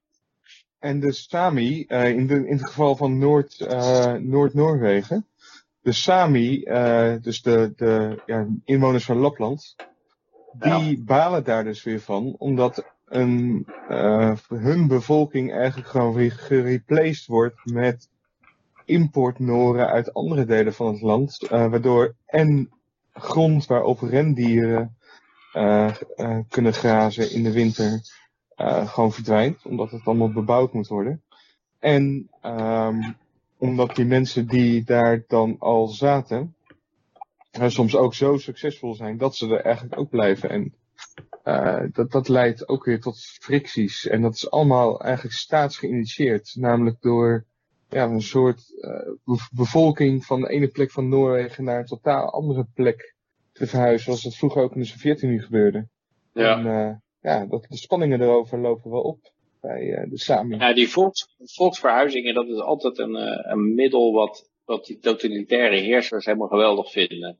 Want dan krijg je een groep helemaal ontworteld is en die, die zijn veel afhankelijker geworden dan van de staat. En ja, die creëert een heleboel onzekerheid en argwaan ook. En uh, mogelijke rassenconflicten. En uh, dat, is allemaal geweldig voor de staat. Want al die al wantrouwen tussen, tussen verschillende rassen of etniciteiten uh, of taalgroepen. Ja, dat is gewoon allemaal cash voor de overheid. Die, die zijn heel makkelijk binnen te slepen. Die... Ja, nou ja, je ziet het ook bij de EU, die ook een beetje zo'n neiging heeft. Namelijk het bijvoorbeeld uh, de, de interrail weer te promoten om jongeren kennis te laten maken met andere delen van de EU en uh, ook het werk in andere landen te promoten. Ook al doen is een groot deel van mensen die in het buitenland werken zijn vooral EU-ambtenaren zelf. Die vinden dat reuze interessant. De meeste mensen interesseert het allemaal geen reet. En ja, op die manier probeert men ook alles gewoon te mengen en dat je elkaar maar gaat liefhebben en graag in één grote natie uh, woont. How dare you! Ja, maar ik heb niet eens het idee dat ze het nou graag willen dat met elkaar lief hebben. Want ze, ze genieten ook wel van de, alle spanningen die het oplevert, denk ik. Ja, want meestal gaan mensen, meestal gaan, geeft dat inderdaad de overheid een soort bestaansrecht om, uh, om het uit elkaar te houden. En, en het, het raar is bijvoorbeeld ook, ik zit, zit dan uh, in de techniek en dan heb je een, een zogenaamde 30% regeling. Dat betekent ja. dat als uh, als, als mijn bedrijf een buitenlander aanneemt, dan hoeft hij, daar krijgt hij maar 30% belastingstarief. Dus, dus ze nemen heel graag buitenlanders aan, want die, dan krijg je veel waar voor, veel waar voor je geld eigenlijk. Omdat, omdat je in feite je bruto loon levert meer netto loon op. Dus je kunt er een betere ingenieur voor kopen. Ja. Uh, met, het, met het nette salaris. Maar het raar is, is als, als, ik dat, als ik naar Zweden ga, dan kan ik dat ook krijgen. Want al, al die landen die hebben zo'n regeling daarvoor om buitenlands talent aan te trekken. Dus dat betekent dat als een Zweed in Zweden gaat werken en een Nederlander in Nederland bij zo'n bedrijf, dan krijgen we, ja, betaal je altijd veel belasting. Als je dat, als je dat swapt, en die Zweed gaat in Nederland werken en ik ga in Zweden werken, dan verdienen we allebei netto meer. En dat, dat is natuurlijk, uh, ja, dat is inderdaad, is natuurlijk een absurde situatie dat je om, om meer te verdienen allemaal in een ander land moet gaan werken. Ja, dat, dat, ook al wordt het soms wel gebruikt om mensen die wel heel dankbaar zijn om even een tijdje in Nederland te kunnen werken. Of bij uh, mensen uit Turkije uh, zag je dat wel een tijdje, die dan niet meer zo graag in Turkije waren. Dan kun je er wel weer uh, gebruik van maken, of handig gebruik van maken als werkgunner.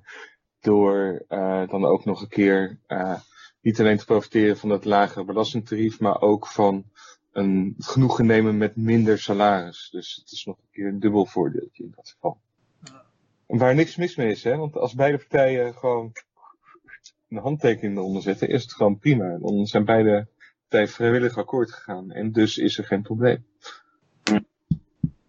Ja, die bedrijven moeten ook wel. Ik zie Johan kijken echt op zo'n manier van, fuck it gast, we gaan naar het volgende item. Oh, nee, nee, Of die nee, nee, nee, Ik, ik, had, uh, ik zat even op de chat te kijken, dus...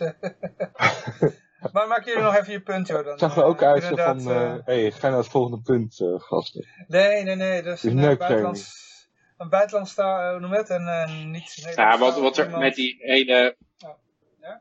Ga verder, Peter. Nou, wat je met die ingenieurstoestanden hebt. Als jij een product wil ontwikkelen, een chip of zo, dan kan een bedrijf dat overal ter wereld doen. Hij kan, een, hij kan ingenieurs uit India uitnemen, en Taiwan, in China, in Australië, noem maar op. Israël. En dat betekent dat als de Nederlandse overheid zou zeggen van nou, bij ons uh, betaal je die, deze gigantische belasting, dan zeggen al die bedrijven, ja, dan gaan wij uh, dat ergens anders ontwikkelen. Maar de overheid wil ook niet de belastingen omlaag doen specifiek voor ingenieurs. Dus, dus hebben ze een bepaalde subsidie ingebouwd. Ze hebben ze die wetspeur en ontwikkelingssamenwerking. Uh, ja, ook nog. Dus in, die 30% regeling. Dat zijn allemaal van die eigen belastingteruggaves om op een internationaal niveau te komen. Om, om al dat soort bedrijven. En dat willen ze ook niet, want het zijn, ja, het zijn toch wel cash cows. Dus ja, ze kunnen daar ook niet echt onderuit. Uh. Ik weet, mijn bedrijf had op een gegeven moment zelfs gezegd van nou, we hebben gewoon geen zin meer in de administratie, want het is, het is een, is een mind-boggling administratie die je bij moet houden om dat, om dat dan terug te krijgen. Maar op een gegeven moment komen die ambtenaren dan ook zelf weer op je, op het bedrijf af. Hè? Die zeggen, ja, maar jullie zijn toch wel heel erg high-tech en uh, ja, jullie komen toch echt wel in aanmerking daarvoor. En, uh, en dan gaan ze dat zelf weer proberen te, uh, te promoten. Ook omdat er weer een heleboel ambtenaren weer aanhangen die, die daar allemaal aan verdienen. dus uh, ja, het is wel wat te zien. Ja, maar in ieder geval, ja, we gaan toch even naar het volgende bericht toe. Tenzij, tenzij iemand hier nog iets aan wil toevoegen. Nee, is goed. Ja. De SGP. Ja, Peter? Ik denk dat je nog even door moet gaan als je die 1000 eh, euro uh, wil krijgen. de 1000 euro vind ik ook wel grappig. Hè? Dat hebben we wel vaker gehoord, 1000 euro beloftes. Maar ja, de SGP is wat principieler dan Mark Rutte, geloof ik. Uh, die wil in ieder geval uh, die komt met een, neuk, die komt met een neukbonus. 1000 euro voor het vierde kind. maar weer die 1000 euro, hè? Het is ja, wel altijd 1000 euro. Ze gaan het niet verhogen. Ze zeggen niet, nou ja, als we, als we het toch niet geven, dan kunnen we dit zo goed 4000 beloven. Ja, ja. Uh, ondertussen moet ik even nog even zeggen, ondertussen gaat het helemaal wild in het chat. Maar het is allemaal, uh, volgens mij mensen die uh, nou, geen idee hebben van wat wij allemaal zeggen. Dus het is allemaal in het Engels. Dus ik zal het verder maar niet, niet lezen wat er staat. Maar goed, ja, Peter, ga verder. De neuk-subsidie. Nou, wel, wat wel opvallend is, uh, ja, ik weet niet of ik goed hoor ben, ik krijg een beetje vervormd geluid door zelf. Oké, ja, ik hoop dat het, uh, Zit je op de wifi? Precies een geheime dienst. Uh. Zit je op wifi, uh, Peter? nee, nee. ja, dat zit ik, maar ik heb hier met mijn telefoon geen andere keuze. Ik heb oh, geen netwerk aan. Ja, dan kan je beter, uh, beter bij het raam gaan zitten. Dan heb je een beter bereik. Ik denk dat dat het is. Uh, beter. Ja, nou, uh, ja. zeg maar... Zit ik verder van mijn exit point af.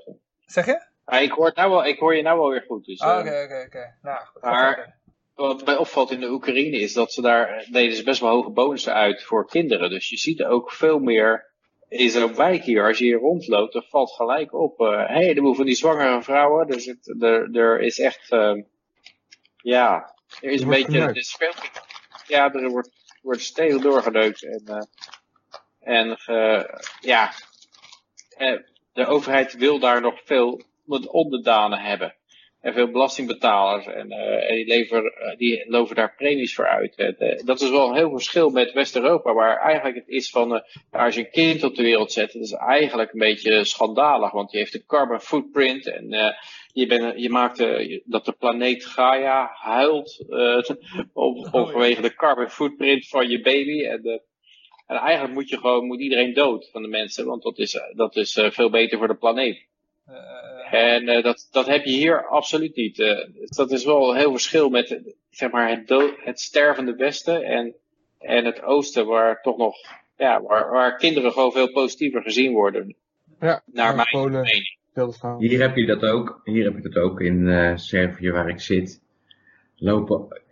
Ja, het is, als ze 24 zijn, dan hebben ze of een baby of ze gaan naar, naar, naar Nederland slash Duitsland om te werken. Dus je hebt twee smaken. en, en degene die dus niet zwanger zijn, die zie je hier niet. Want ja, die, die, die werken ergens anders. Want het is zelfs zo dat, dat je hier ook een, eh, een net zoals als, als wat deze figuur voorstelt, een verhoogde bonus krijgt voor het uh, derde of vierde kind. En het is zelfs zo dat vrouwen met een aantal kinderen zijn heel erg in trek op de partnermarkt. Want uh, mannen die, vooral bij alcoholisten, die, die zien dat gewoon als een bron van inkomen. Die willen zo'n vrouw met drie kinderen wel hebben. Want die, die kunnen de kinderbijslag gebruiken om alcohol te kopen. Ik denk dus, dat de overheid kinderen ook als inkomstenbron ziet uiteindelijk. Ja, dus zeker. Slaafjes die belasting uh, binnen kunnen brengen. Ja, maar daarvan is dus het rare dat dat af en toe nog wel eens verandert. in China hebben we natuurlijk de hele tijd één kindpolitiek gehad. Dat ze opeens dachten, oh jee, we hebben veel te veel uh, kinderen en we moeten er vanaf. En, uh, en toen, toen zijn ze opeens weer veranderd naar van, oh jee, de bevolkingspyramide die gaat helemaal scheef.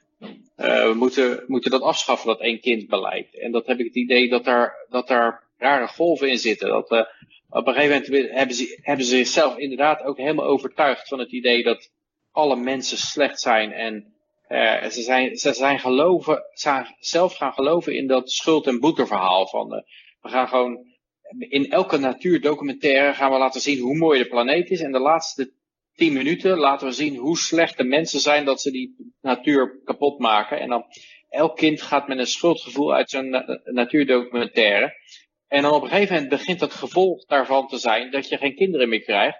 En dan schrikken ze opeens, want dan kijken ze opeens naar een pensioenstelsel. En zeggen shit, het gaat helemaal mis dit. Uh, uh, het is een enorme scheve bevolkingspyramide. En dan gaan ze datzelfde weer stimuleren. En ik denk dat dat, dat ook is met die covid-maatregelen. Dat nu zeggen ze, ja, je mag niet meer in een restaurant gaan. Je mag geen, geen, geen fun meer hebben. Je mag geen concerten, geen, alles moet af. En op een gegeven moment begint natuurlijk duidelijk te worden wat voor desastreuze gevolgen dat heeft.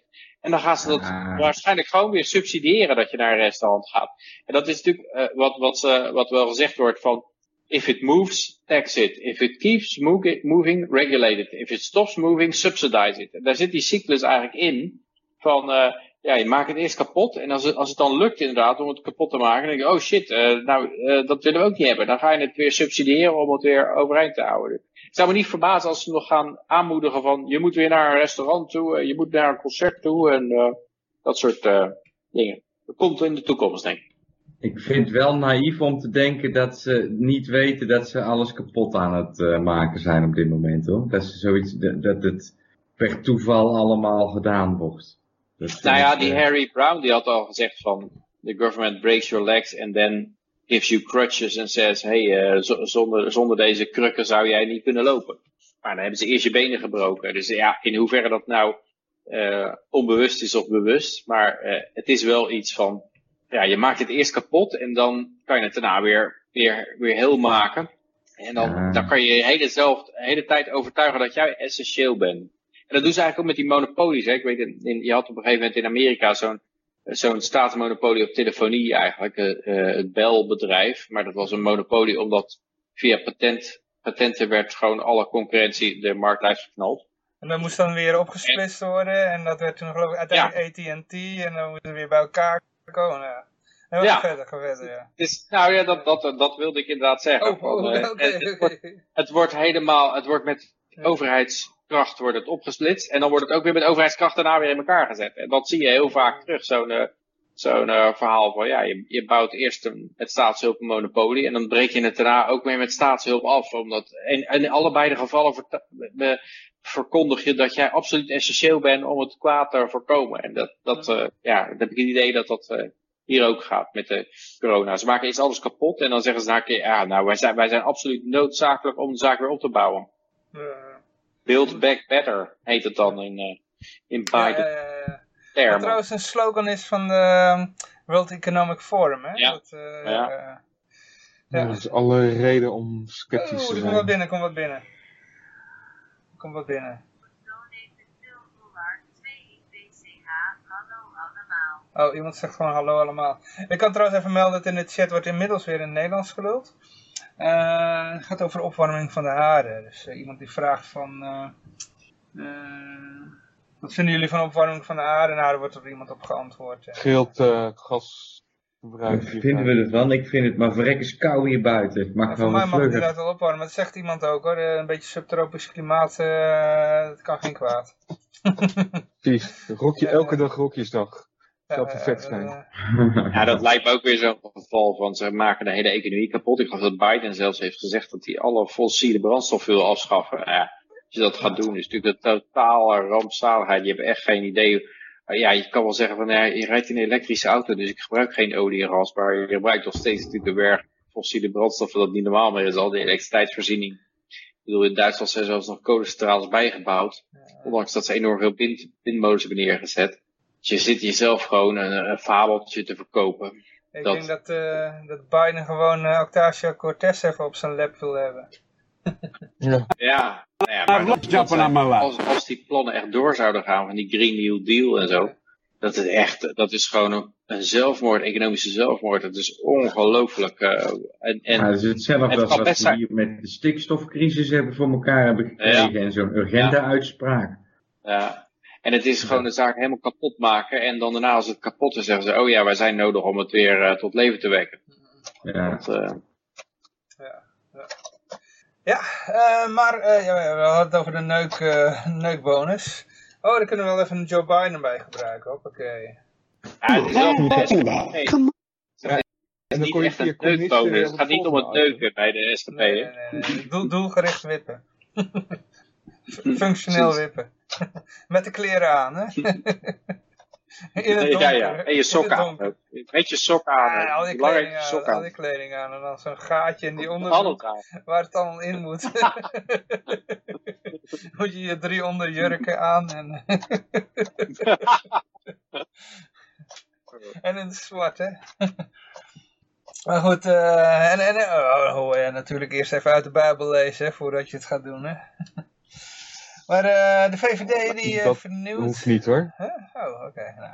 Dat, dat hoeft niet. Gaat ook ja. zonder. Maar, uh, v ja, maar, maar, alleen met je hand op de Bijbel moet het toch? Ja, ja.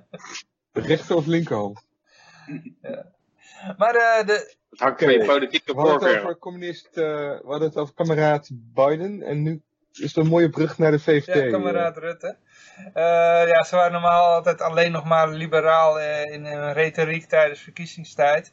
Maar ook dat hebben ze nou uh, van zich afgeworpen. Dus ze gaan nu voortaan ook in verbaal gaan ze nou de socialistische kant op. Eerst was het alleen nog maar in daden. de VVD vernieuwt en wil actieve overheid en minder marktwerking. Ja.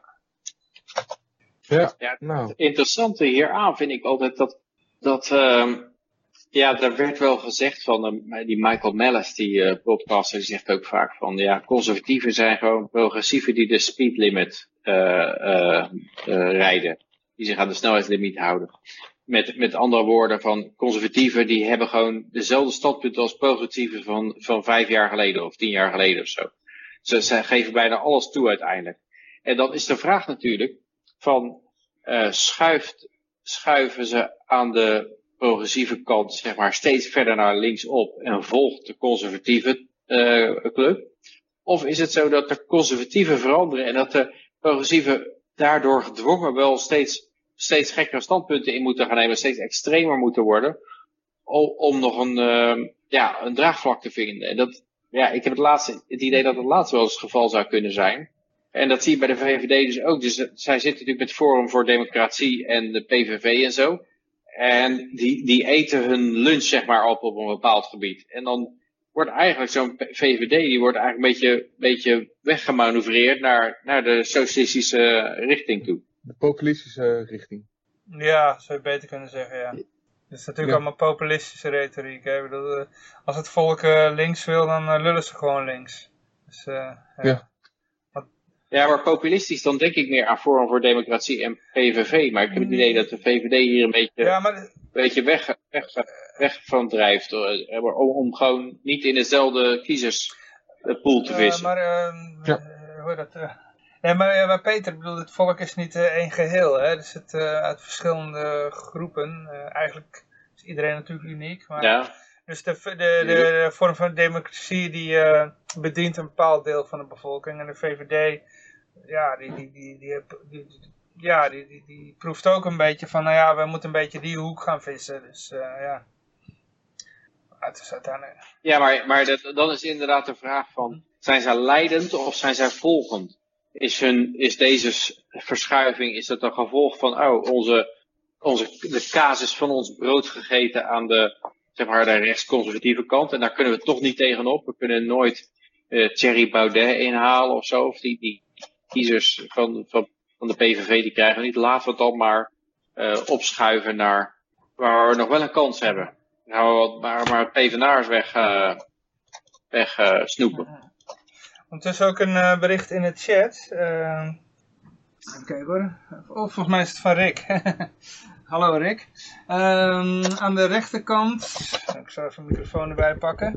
Uh, aan de rechterkant uh, op het gebied van persoonlijke vrijheid is het ook aardig extremer geworden. Uh, de standpunten van de CD van de jaren 80 wat, oh jongens, uh, verbleken bij de standpunten van de PVV nu. Uh, wat betreft persoonlijke vrijheid. Dag heren. Ja. Ja, dat klopt ook al. Ja, ja, ik ben niet zo de tijd, de, ik weet, weet, eigenlijk niet wat de standpunten van de PVV zijn, moet ik eerlijk bekennen. En eigenlijk niet zo, zo wat voor voor democratie. Dus ik kan het niet zeggen, maar... maar Overwegen. ja. Maar ze, maar ze hebben wel een soort populi ja, wat ik dan populistisch noem. Ik weet niet of dat het terechte woord daarvoor is, maar um, het is een beetje die etnische kaart spelen en een beetje die nationalistische kaart. En, uh, ja. En ik denk dat de VVD denkt van ja, daar kunnen we, daar kunnen we toch niet in meevissen in die vijver.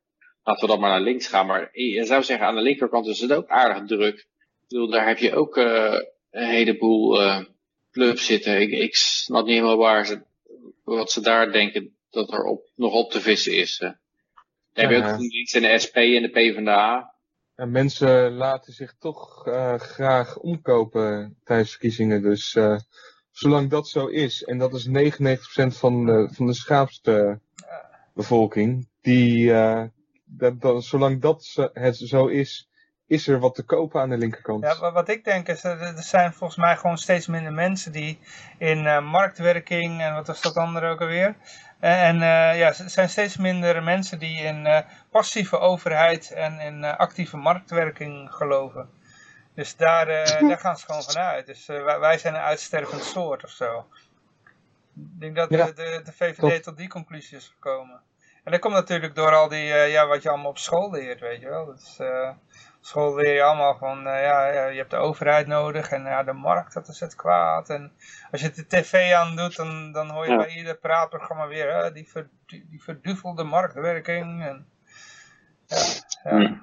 Ik merk wel bij mijn kinderen die op zich wel redelijk goed onderwijs hebben, gelukkig, dat daar dan wel vragen worden gesteld in ieder geval. Alleen ja, dat zijn ook maar twee kindjes eh, van een leerjaar van, uh, van misschien twee of driehonderd kinderen. Maar uh, die zijn op zich, die staan nog wel open voor in ieder geval andere denkbeelden. Alleen die zei ook dan dat de leraar weer had gezegd dat libertariërs gewoon een steletje gekkies zijn. dus, uh, maar ik weet wie de leraar is. Dus, uh, als ik hem en hij, hij weet nog wel wat libertariërs zijn. Dat is wel apart. Uh, die ja, die... Maar dat komt omdat toen ik aan de gemeenteraadsverkiezingen meedeed in uh, Oesgeest, was er een jongen die moest voor, voor die leraar ook een een soort van rapportage maken over de LP. En toen werd ik ook geïnterviewd. En nou ja, hij vond het maar niks. In ieder geval wat, uh, wat de LP Oesgeest uh, ervan vond. Dus, nou goed, dat, dat mag je weten. Maar, of dat mag je vinden. Maar het mag geen weerslag vinden in uh, partijen niet bevalt. Ja. Ja, kunnen die mensen die twee dingen van elkaar scheiden, weet je wel? Hun nee, werk en hun mening. Daar heb ik ook geen weinig vertrouwen in. Lastig, Maar wat ook duidelijk blijkt is dat zo'n partij als de VVD totaal geen principes heeft. Dat ze gewoon zeggen, nou weet je wat, we zijn wel altijd een libertare, uh, liberale partij geweest, maar ja, uh, het, uh, het krachtenveld is iets veranderd, weet je wat? We schuiven gewoon wat naar een grotere overheid op. En meer overheidsbemoeienis in, meer regulering. Want ja, er zit er gewoon meer vis in die vijver. Ja, ja dat, zegt, dat geeft wel aan dat er, ja, dat de, meeste partijen, ik weet niet, er is zo'n uitspraak van, alle partijen zijn op zoek naar een, naar een filosofie. En, en libertariërs zijn juist mensen die een filosofie hebben en op zoek zijn naar een politieke partij. Maar die, die, libertariërs hebben de filosofie eerst en die zoeken daar iets politieks bij. Maar, maar veel anderen die hebben de politiek eerst en die zoeken daar een filosofisch excuus bij. En dat kan gewoon heel erg veranderen. En dat het, heb je natuurlijk al vaker in de geschiedenis gezien. Dat, dat uh, ja, de, in de VS bijvoorbeeld waren de, de Republikeinen altijd tegen anti-slavernij. En de Democraten waren de partij van de slavernij. En op een gegeven moment in de jaren 60 is het gewoon helemaal omgedraaid. En je ziet dat de, dat de Democraten zich geprofileerd hebben als een soort partij van de, voor de zwarte mensen. Uh, ja, dat is heel raar dat dat soort dingen zo om kunnen draaien. En je ziet dat nu ook weer een beetje gebeuren. In de zin dat de Republikeinen waren altijd vrijhandelsmensen. Tenminste, die, die, dat, dat beweerden ze altijd in hun politieke programma's. En, en tot, tot Trump kwam en die begon overal tarieven op te gooien. En uit puur reactionaire bewegingen zijn die democraten die opeens een uh, soort vrijhandelsvoorstander geworden. Omdat ze anti-Trump zijn. En, en Trump die is voor tarieven overal. En de handelsoorlogen, dan zijn, worden zij opeens maar vrijhandelstoestand. Dus op een gegeven moment, ja, er zitten gewoon geen principes aan dat soort mensen. Het is gewoon heel erg, heel erg primitief van, uh, ja, uh, oké, okay, uh, in-crowd, out-crowd, wat is mijn club, wat is hun club? Als het mijn club dit zegt en als hun club dat zegt, dan moeten wij het tegenovergestelde zeggen. En, en je moet ook nog een verschil maken, zien van tussen, tussen hun retoriek en wat ze daadwerkelijk doen. Hè? Ik bedoel, tijdens verkiezingstijd ja. is Hillary Clinton en meer van dat soort lui, die zijn dan altijd pro uh, LGTB, uh, hoe dat, uh, homo's zeg maar, die ene afkorting. en, Als je niet alle letters kent, dan ben je gelijk al een bigot. Hè? ja, ben je gevaarlijk. en, en, en, ze zijn voor of tegen abortus, maar als ze dan als je kijkt hoe ze dan naar stemgedrag, dan zijn ze gewoon tegen homohuwelijk en uh, uh, voor abortus, weet je wel. Dus ja. Nou, maar dat, dat was ook zo, dat zelfs Obama en Hillary, die waren tegen het homohuwelijk ja. tijdens hun, hun, campagne. En, en niet veel later, toen, toen het zeg maar boven de 50% ging, het aantal mensen dat daarvoor was, toen waren zij opeens ook voor. En niet alleen dat, maar degenen die er tegen waren, dat waren ook gelijk fascisten. Ja, dus dat is ook wel ja, het is dus, ja, je kan er geen pijl op trekken eigenlijk wat die standpunten zijn. Die kunnen binnen vijf jaar kunnen ze. Het is, het is een beetje zoals in Orwell. Uh, we have always been at war with Oceanië. Dat het gewoon tijdens de speech van, uh, uh, van de Big Brother partij verandert het standpunt over wie de vijand is en wie de vriend. En En iedereen gaat daar ook gewoon gelijk in mee. En als ze dan zien dat de posters aan de muur het tegenovergestelde zeggen, dan scheuren ze die gewoon woest van de muur. Ja, of bij Fauci, ja. als Fauci het een en ander zegt, dan uh, de ene keer dan is het oké en dan verandert hij van mening en dan moeten alle oude berichten van Fauci wordt je video meteen verbannen. Want dat was de oude ja. Fauci en hij heeft er weer een nieuwe mening. ja. ja. ja dat is in 1984 was dat ook de beroep van Winston Smith. Dat je, die werkte bij de memory hall en die, die stopte alle alle artikelen, oude krantenartikelen in de memory hole die niet overeenkwamen met, uh, als, als de partij een verkeerde voorspelling deed, dan moest het gewoon het oude artikel aangepast worden en, en het vorige in de memory hole, zodat de partij altijd correct was in haar voorspelling. Ja, ja, maar uh, ja. ik heb nog even wat in de chat. Rick die, die zegt nog op aan aanleiding van wat we eerder zeiden. Um, dat is best een bizarre ehm, conclusie van de VVD. Uh, het ledenaantal van de LP groeit best. Uh, best snel op dit moment, ja. Dus, uh, en ik, ik heb trouwens over LP gesproken. Ik wil natuurlijk nog even, natuurlijk even iedereen nog laten weten dat...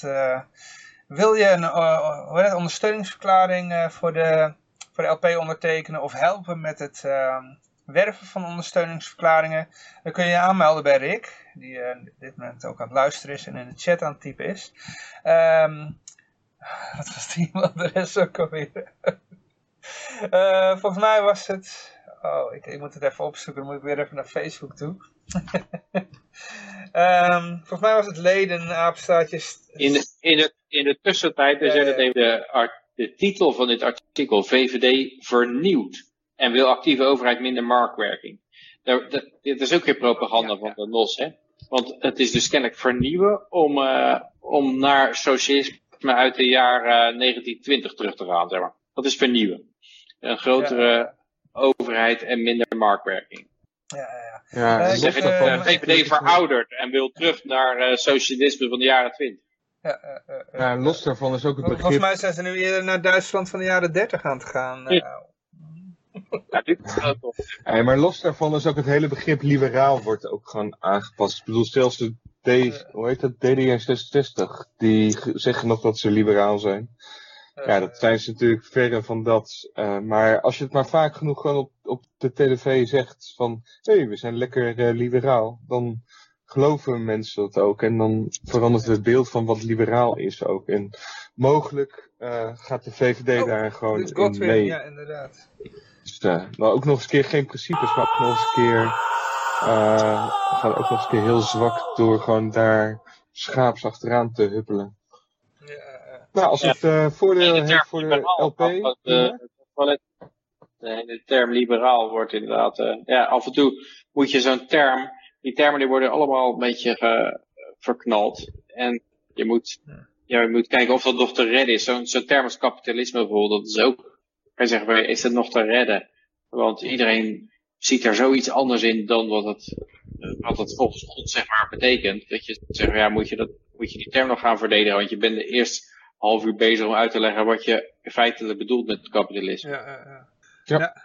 Maar uh, ik heb inmiddels het, uh, het, het, het e-mailadres doorgekregen in de chat. Dankjewel Rick. Het is uh, osv stemlp.nl Dus wil je de, steun je het libertarisme, of tenminste de libertarische partij, of oh, sorry, de libertaire partij. Lijkt Big, Big Brother wel, ja. Naam verandert steeds.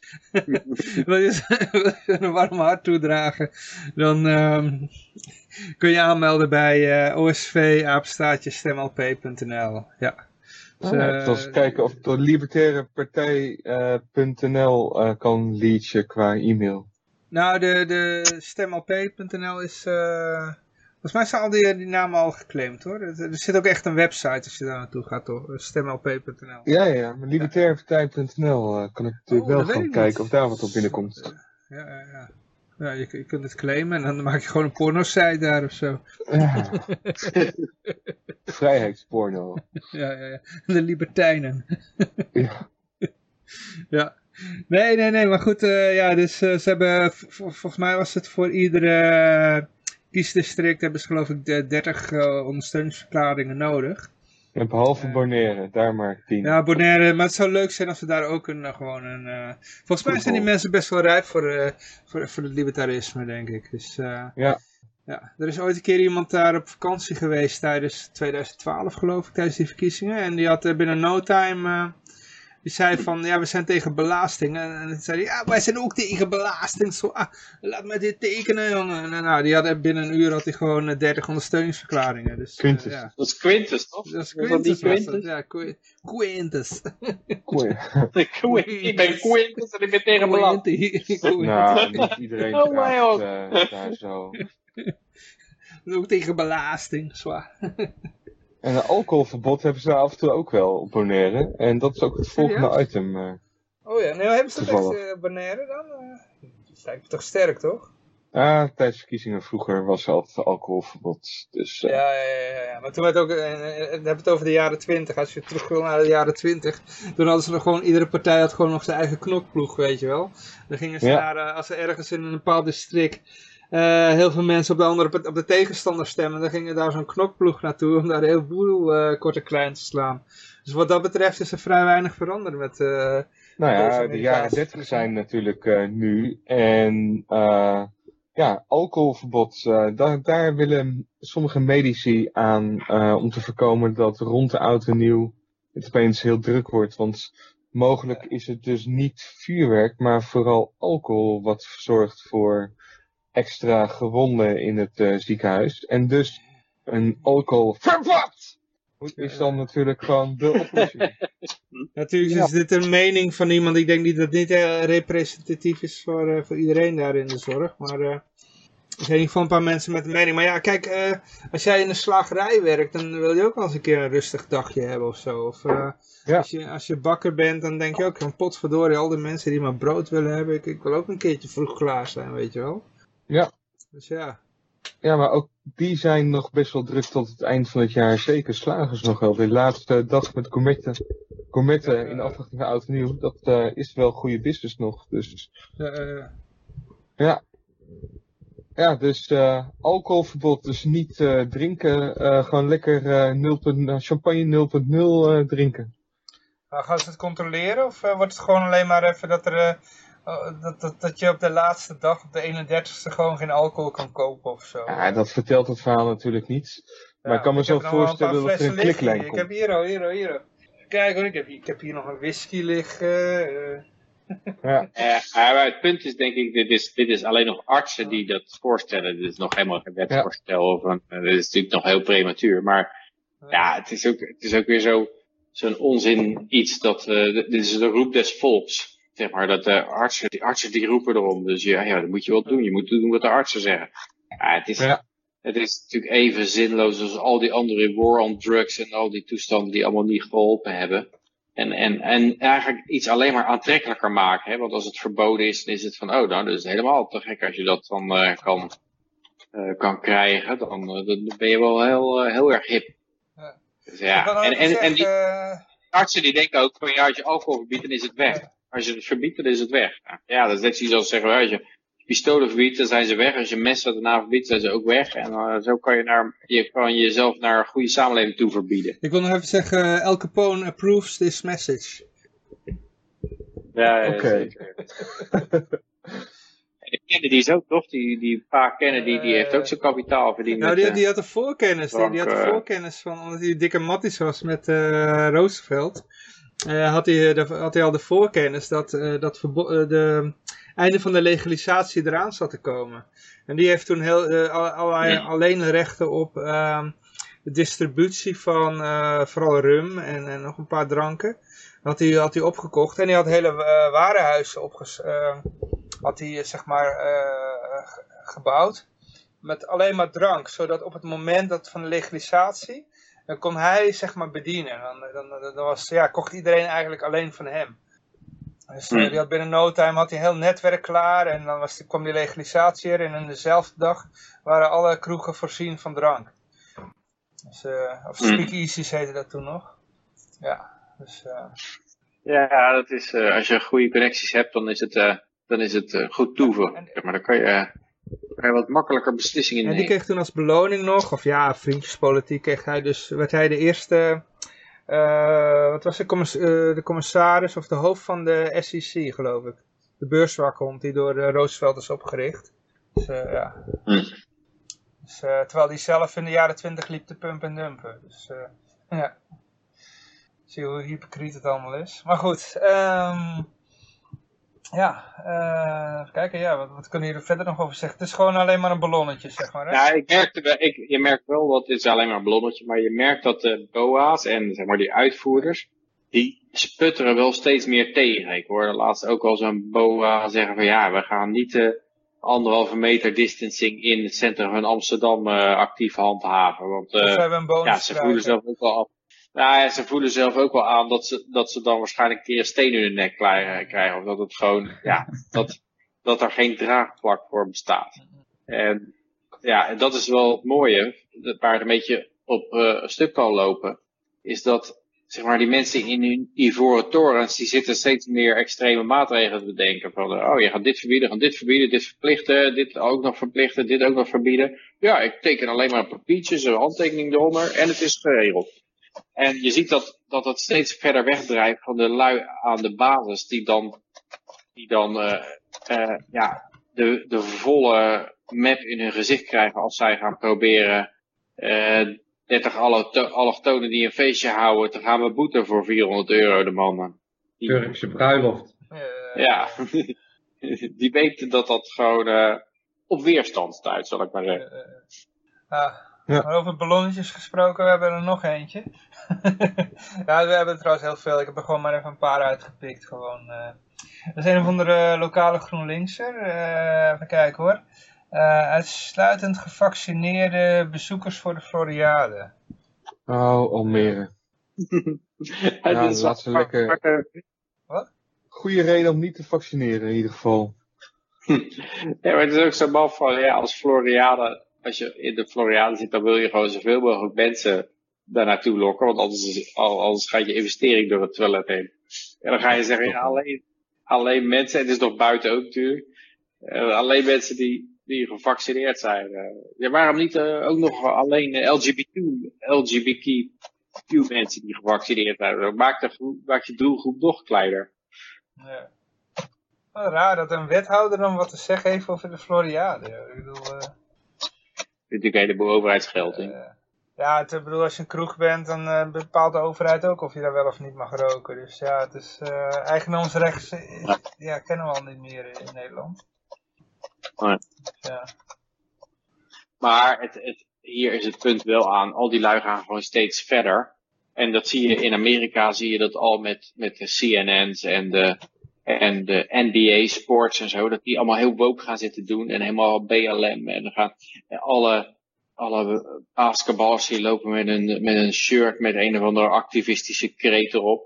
En de, en de kijkaantallen die, die, die zakken door de grond heen. En mensen willen dat gewoon, die nog een basketbal zien, die willen geen gezeik hebben over allerlei politiek activisme en BLM en, en uh, Wel of niet knielen voor het volkslied.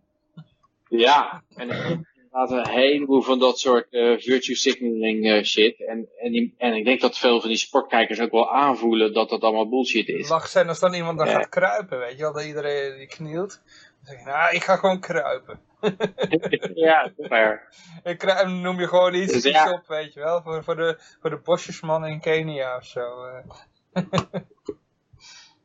ja, ze zeggen wel, go woke, go broke. Dat zie je dat, dat verschijnsel zie je wel, dat zodra zo'n organisatie begint te paraderen met zijn, zijn wokeness, dan zie je gewoon dat, dat er klanten ervan wegrennen. Die zijn gewoon helemaal, die zijn dat, dat, dat hele mechanisme zijn ze, zijn ze kennelijk beu. En dat is een goed teken voor, voor ons natuurlijk. Ja, niet allemaal trouwens hoor, Peter. Maar kijk, het is, uh, er zijn ook echt mensen die, nou, die, die er wel in ratings. Dus, uh, al die CNN's, uh, die... Uh, nou, begreep ik dat, dat uh, Ted Turner, die wilde geloof ik uh, CNN verkopen, maar, maar zelfs, zelfs Jeff Bezos was niet geïnteresseerd om het te kopen. Ze weten gewoon allemaal dat ze, dat ze een propaganda-outfit hebben waar bijna niemand meer naar kijkt. En, en de, de eerste beste podcaster luisteren al meer mensen dan naar, dan naar CNN. Ja, uh, dat, dat heeft op een gegeven moment zijn weerslag, deze, deze houding, op, op je economische gang van zaken. En ja, ik denk dat, dat dit soort lui, die zitten ook in zo'n zo Floriale toestand. Er zitten allerlei dat soort woke zitten in, in een heleboel grote corporaties en, en gemengde overheids-private dingen. ik denk dat die, zodra ze dit gaan doorvoeren, al dat gevirtue signal, dat, dat ze inderdaad heel erg slecht economisch gaan draaien. Ja, ja. ja, er zal ooit nog een dag komen dat uh, Vrijheid Radio meer luisteraars heeft dan uh, CNN. ja. Maar uh, ja, het, het, kan natuurlijk nog erger. We hebben nu een paar mensen met proefballonnetjes gezien. Maar in de UK, ondertussen in, in, in de Verenigd Koninkrijk, dan zien we hier een, een Boris Johnson die het, de inzet van het leger aankondigt bij het afdwingen van de coronamaatregelen.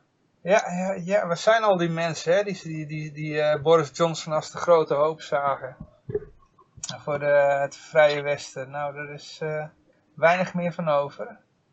Ja, ja diep triest. Hij heeft Biden ook al gefeliciteerd, hè? Uh, ja. ja, en, die, en uh, die Netanyahu ook. Uh, Netanyahu heeft ja. ook. Kim Jong-un ook al. nee, er zijn best wel landen nog terughoudend geweest ermee, maar die kennen waarschijnlijk de regels beter dan uh, eh, menigeen. Ja, Biden kan zomaar, zomaar een El Gore worden. Dus, uh... ja, ja. Het, valt mij, het valt mij op dat veel van die uh, Why the hell would I take a test? koninkrijken uh, en on, die landen zo ontzettend slecht zitten in die coronatoestand. Uh, niet alleen Boris Johnson die zegt van, hé, hey, ik zet het leger in.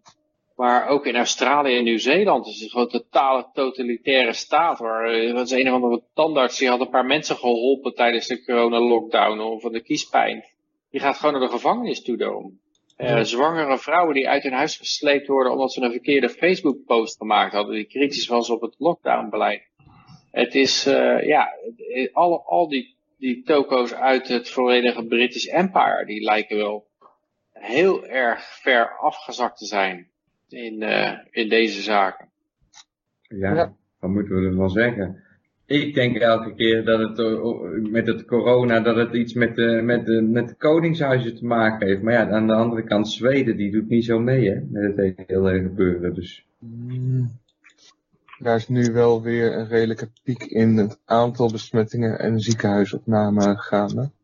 Maar het is, het is ja, ah, ik, zal, ik zal hem een, uh, mijn tinfoil head zal ik thuis laten deze keer. ja, dat is wel leuk hoor. Doe maar kipgaas uh, mondmaskertje. Ja, ja, ik zal hem zo even pakken. De vraag die Hij ligt naast iemand in de chat, why are Dutch people so tall? Ja. Nog je, moet je de pixels moet je even aanpassen. Zeg je? Antibiotica en de en moet je ze gewoon even de pixels aanpassen, dan heb je er geen last van. ja, maar je hebt wel een punt uh, overigens voor wat betreft de hoop van het vrije westen. Want ik had echt wel serieus de hoop dat er een eiland heel dichtbij kwam, op minder dan een uur vliegen. Uh, waar gewoon de belastingen laag zouden zijn, de regeldruk laag en waar, je, waar wat gewoon een hele grote middelvinger had kunnen zijn richting de EU. En uh, ja, het, het, is één grote politiestaat aan het worden daar. Belastingen voor bedrijven schijnen nog wel oké te zijn. Dus daarom overweegt Unilever ook Nederland te verlaten. Uh, maar het is, het is niet wat het uh, ze had moeten brengen. En daar heeft natuurlijk de EU ook niet uh, de best voor gedaan. Hè. Dus UK wordt ook wel in een positie gedeeld, waardoor het ook niet echt, of het hele Brexit-verhaal niet tot zijn recht kan komen. Dat is, ja, dat mogen ook rustig boos zijn op de EU daar, daarvoor. Ja, de, de EU heeft inderdaad Brexit heel erg moeilijk gemaakt, maar kennelijk hebben ze, dit niet, hebben ze dat niet nodig uh, om er een zootje van te maken zelf. Uh, is, uh, ja ja, ze, ze doen er van alles aan. Ook, ook op social media gebied. Dat als jij daar een verkeerde tweet doet of een Facebook post, dan zijn ze ook niet te beroerd in de UK om de politie op je af te sturen. Wat overigens in Nederland dus ook al uh, het geval is. Ik weet niet of we daar die clip er ook nog bij hebben staan, maar we wel behandeld hebben. Nou ja, maar uh, ja, het is inderdaad, je interviewt een complot, een complotdenker, zoals dat, dat dan genoemd wordt. Dus iemand die niet, uh, die Die, die, Niet conform denken. ja, iemand die sceptisch staat tegenover de uitspraken van bewezen leugenaar. En ja, die, die krijgt gewoon even de politie in zijn tuin aan het uh, rondeuzen is. Wat toch wel impliciete bedreiging is. En, en in de UK is het volgens mij nog veel erger. Wat ik, ik wil nou zeggen, in Nederland wordt het leger al ingezet hè, in de ziekenhuizen. Dus de, de medische afdeling van, van het Nederlandse leger is al actief in de ziekenhuizen. En er staat trouwens ook niet echt bij wat het uh, Engelse leger of het Britse leger exact doet met het assisteren van de lockdown. het kan zijn dat ze het op dezelfde wijze doen als in Nederland. Hè? Dus dat alleen maar de medische tak van de, het leger helpt of assisteert in ziekenhuizen. Dus ja. Ja, wat dat betreft heb ik toch wel een beetje hoop op Oost-Europa. Ik ging hier gisteren of zo wat geld wisselen. En dan loop ik dus de straat opeens. Ja, ik vergelijk bij overal wisselkantoortjes. Dus ik een beetje de koersen vergelijken. En op een gegeven moment, ja, dan zie je wel een beetje van, nou, dit is een beetje het maximale haal, haalbare. En opeens ziet zo'n wisselkantoor. Die zit achter een enorme gunshop. dus denk ik, oh, dat, dat, dat, dat, is wel leuk. Daar raken ze echt met uh. Dan je met je maskertje naar binnen gaan.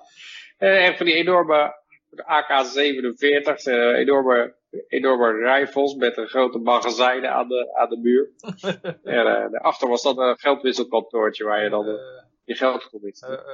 Uh, nou is het wel zo geloof ik dat als je als buitenlander hier, ook als lokale, als je een zo'n ding wil kopen, dan, dan krijg je ook wel, heb je een vergunning nodig en dan moet je ook wel, krijg je de, de politie op je, op je dak om, je, om een praatje met je te maken, om te kijken of je nog wel maar het is, het is nog steeds wel mogelijk. En uh, ik heb het idee dat ze, dat ze zich toch wat minder in de luren laten leggen dan in het Westen. De, uh, ze, hebben natuurlijk, ze zijn natuurlijk aardig in de luren gelegd in het verleden. En ja, het zit nog in het recente geheugen hoe dat in zijn werk gaat.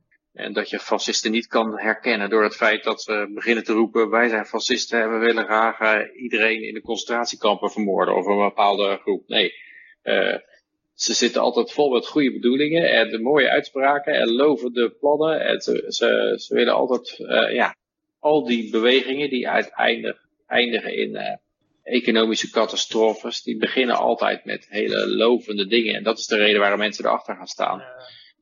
En het is niet, het, daarom denken mensen dat het te makkelijk herkennen is. Doordat ze van, nou, je moet gewoon kijken naar mensen die, uh, die zeggen van, uh, dit, is, uh, dit is mijn partijprogramma, is om iedereen in de gaskamers te gooien. Op zo'n bepaald ras of zo. Nee. ze hebben altijd een, een heel mooi plan om, ja, om de samenleving wetenschappelijk te besturen of zo. En soort te zorgen dat er geen domme beslissingen genomen worden. En dat moet dan vanuit een centraal punt op wetenschappelijke basis. Een gratis auto voor ja, dat klinkt, het klinkt altijd heel mooi. En het eindigt in een catastrofe. En dat kan je alleen maar herkennen als jij de filosofische basis hebt om dat soort dingen lek te prikken, dat soort ideeën. als je dat niet hebt, dan denk je van, uh, nou laat je hem meesleuren. Van, oh, die, die gaat gratis onderwijs voor de armen geven. Of, uh, en daar wordt er allemaal veel beter van als uh, ook arme kindjes een keuze krijgen om goed onderwijs te genieten. Of gezondheidszorg te krijgen of zo. En ja, het klinkt allemaal heel mooi. Dat, dat eindigt juist in een enorme ellende. En overigens over die, uh, die gratis auto voor het volk. Dat is, uh, was één grote oplichting, hè? er is gewoon geen enkele Duitser heeft, tenminste alleen een paar partijbobo's, die hebben een, een mooie Volkswagen gehad. het werkelijke verhaal erachter was dat Hitler die, nou noem hem weer, ik moet even, hoppakee, hartstikke idee. de man met de grote kleine snor. die wilde een, uh, in ieder geval, ja, die, die, wilde een auto waarmee uh, drie soldaten en hun geweren zich snel konden verplaatsen. En uh, dat kon je niet zomaar even zeggen van wij gaan nou nu een enorme fabriek bouwen in het midden van Duitsland waar auto's worden geproduceerd waar drie soldaten en hun geweren zich snel kunnen verplaatsen. Nee, dan zeg je gewoon we bouwen een auto voor het volk. En dan had hij zo'n heel uh, plan dat, dat werkers die konden bonuspunten sparen.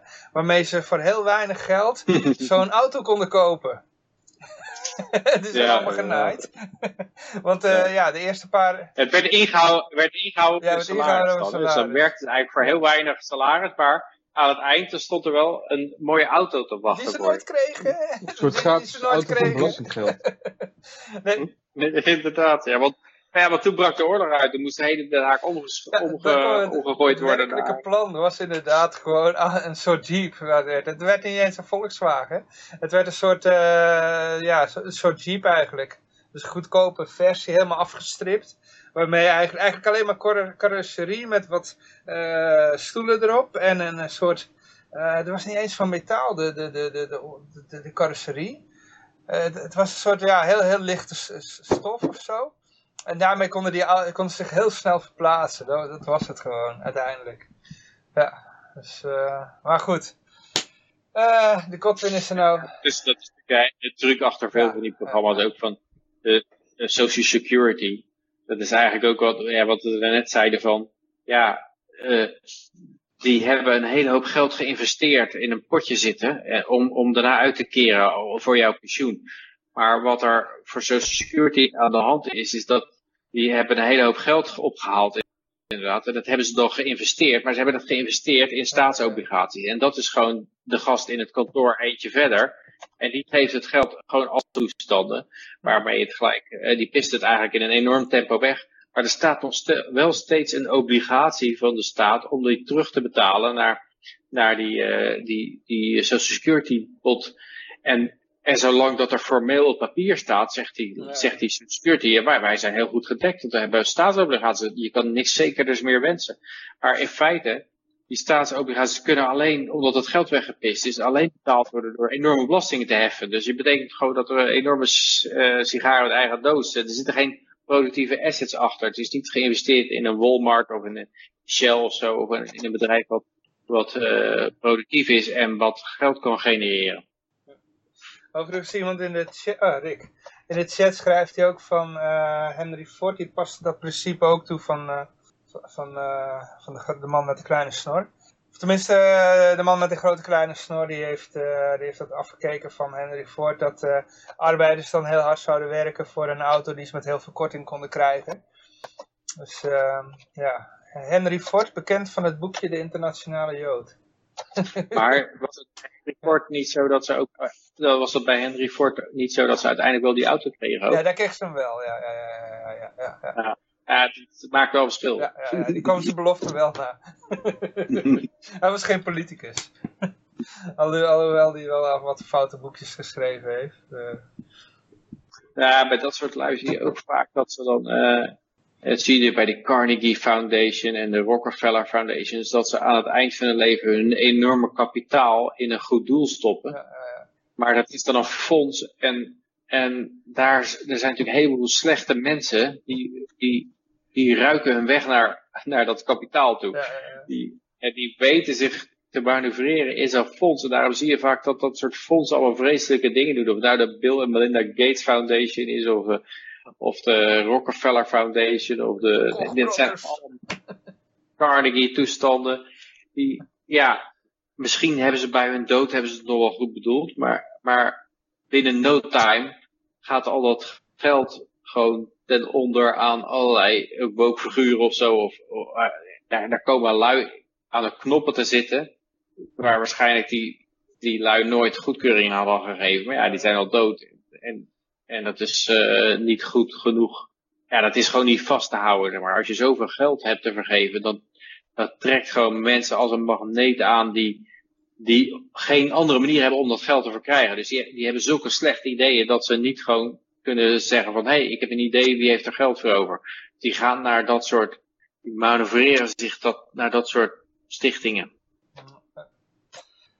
Um, nou, nog wat berichten. We komen een beetje aan het einde, zeg maar. Ik heb hier nog een paar berichtjes. Uh, merken als um, Balenciaga, nooit van gehoord. En Arias, nou, uiteraard ken ik die dan weer wel. Uh, maken dat Rotterdamse studenten in de schulden komen. Oh god. ja, dat kan Peter kan er wel een leuke manier, een mooie analogie voor. Peter, ga helemaal los. nou ja, het is een beetje, dit, dit is, uh, ja, dat, dat wordt ook als behandeld bij de No Agenda Show, dat het eigenlijk gewoon een, een native ad is, zoals we dat noemen. Hè. Dat is een advertentie dit voor deze twee merken. Uh, want eigenlijk de melding hierachter is, want ergens het, het, het oppervlakkige bericht is van, uh, ja, er zijn een paar merken en die zijn zo gewild, dat Rotterdamse studenten, die, die kunnen niet anders dan gewoon blindelings die merken kopen. En, en, en die komen dan in de schulden. Ook als ze geld hebben, gaan ze gewoon lenen. En ja, dat is een groot probleem. En het is dan geadverteerd als een nieuwsartikel. Maar het is eigenlijk gewoon aangeven van, uh, ja, deze merken zijn ontzettend gewild. Die moet je, daar moet je, die moet je hebben om erbij te horen. En uh, ja, het zijn al merken als Balenciaga, daar ik inderdaad ook nog nooit voor gehoord heb. Ik vind het een hele stomme naam ook, want het is bijna niet uit. ben je gewoon een boomer. We zijn allemaal boomers. We kennen die merken ja, maar... niet. Ik ken hem ook niet, jongens. Ik ben geen boomer. In mijn tijd hadden we Adidas. Run DMC liep in Adidas. Dus, uh... En eronder staat er ook nog Adidas en Alexander McQueen. Dus dat, uh, die, die heeft al minder betaald, Alexander McQueen. Dus die komt niet in de titel te staan. Die komen, die komen in de subtitel te staan. Maar ja, dit is gewoon typisch een flutbericht over, over studenten die in de schulden komen, zodat het nieuws wordt. Uh, maar het, het is eigenlijk gewoon een advertentie.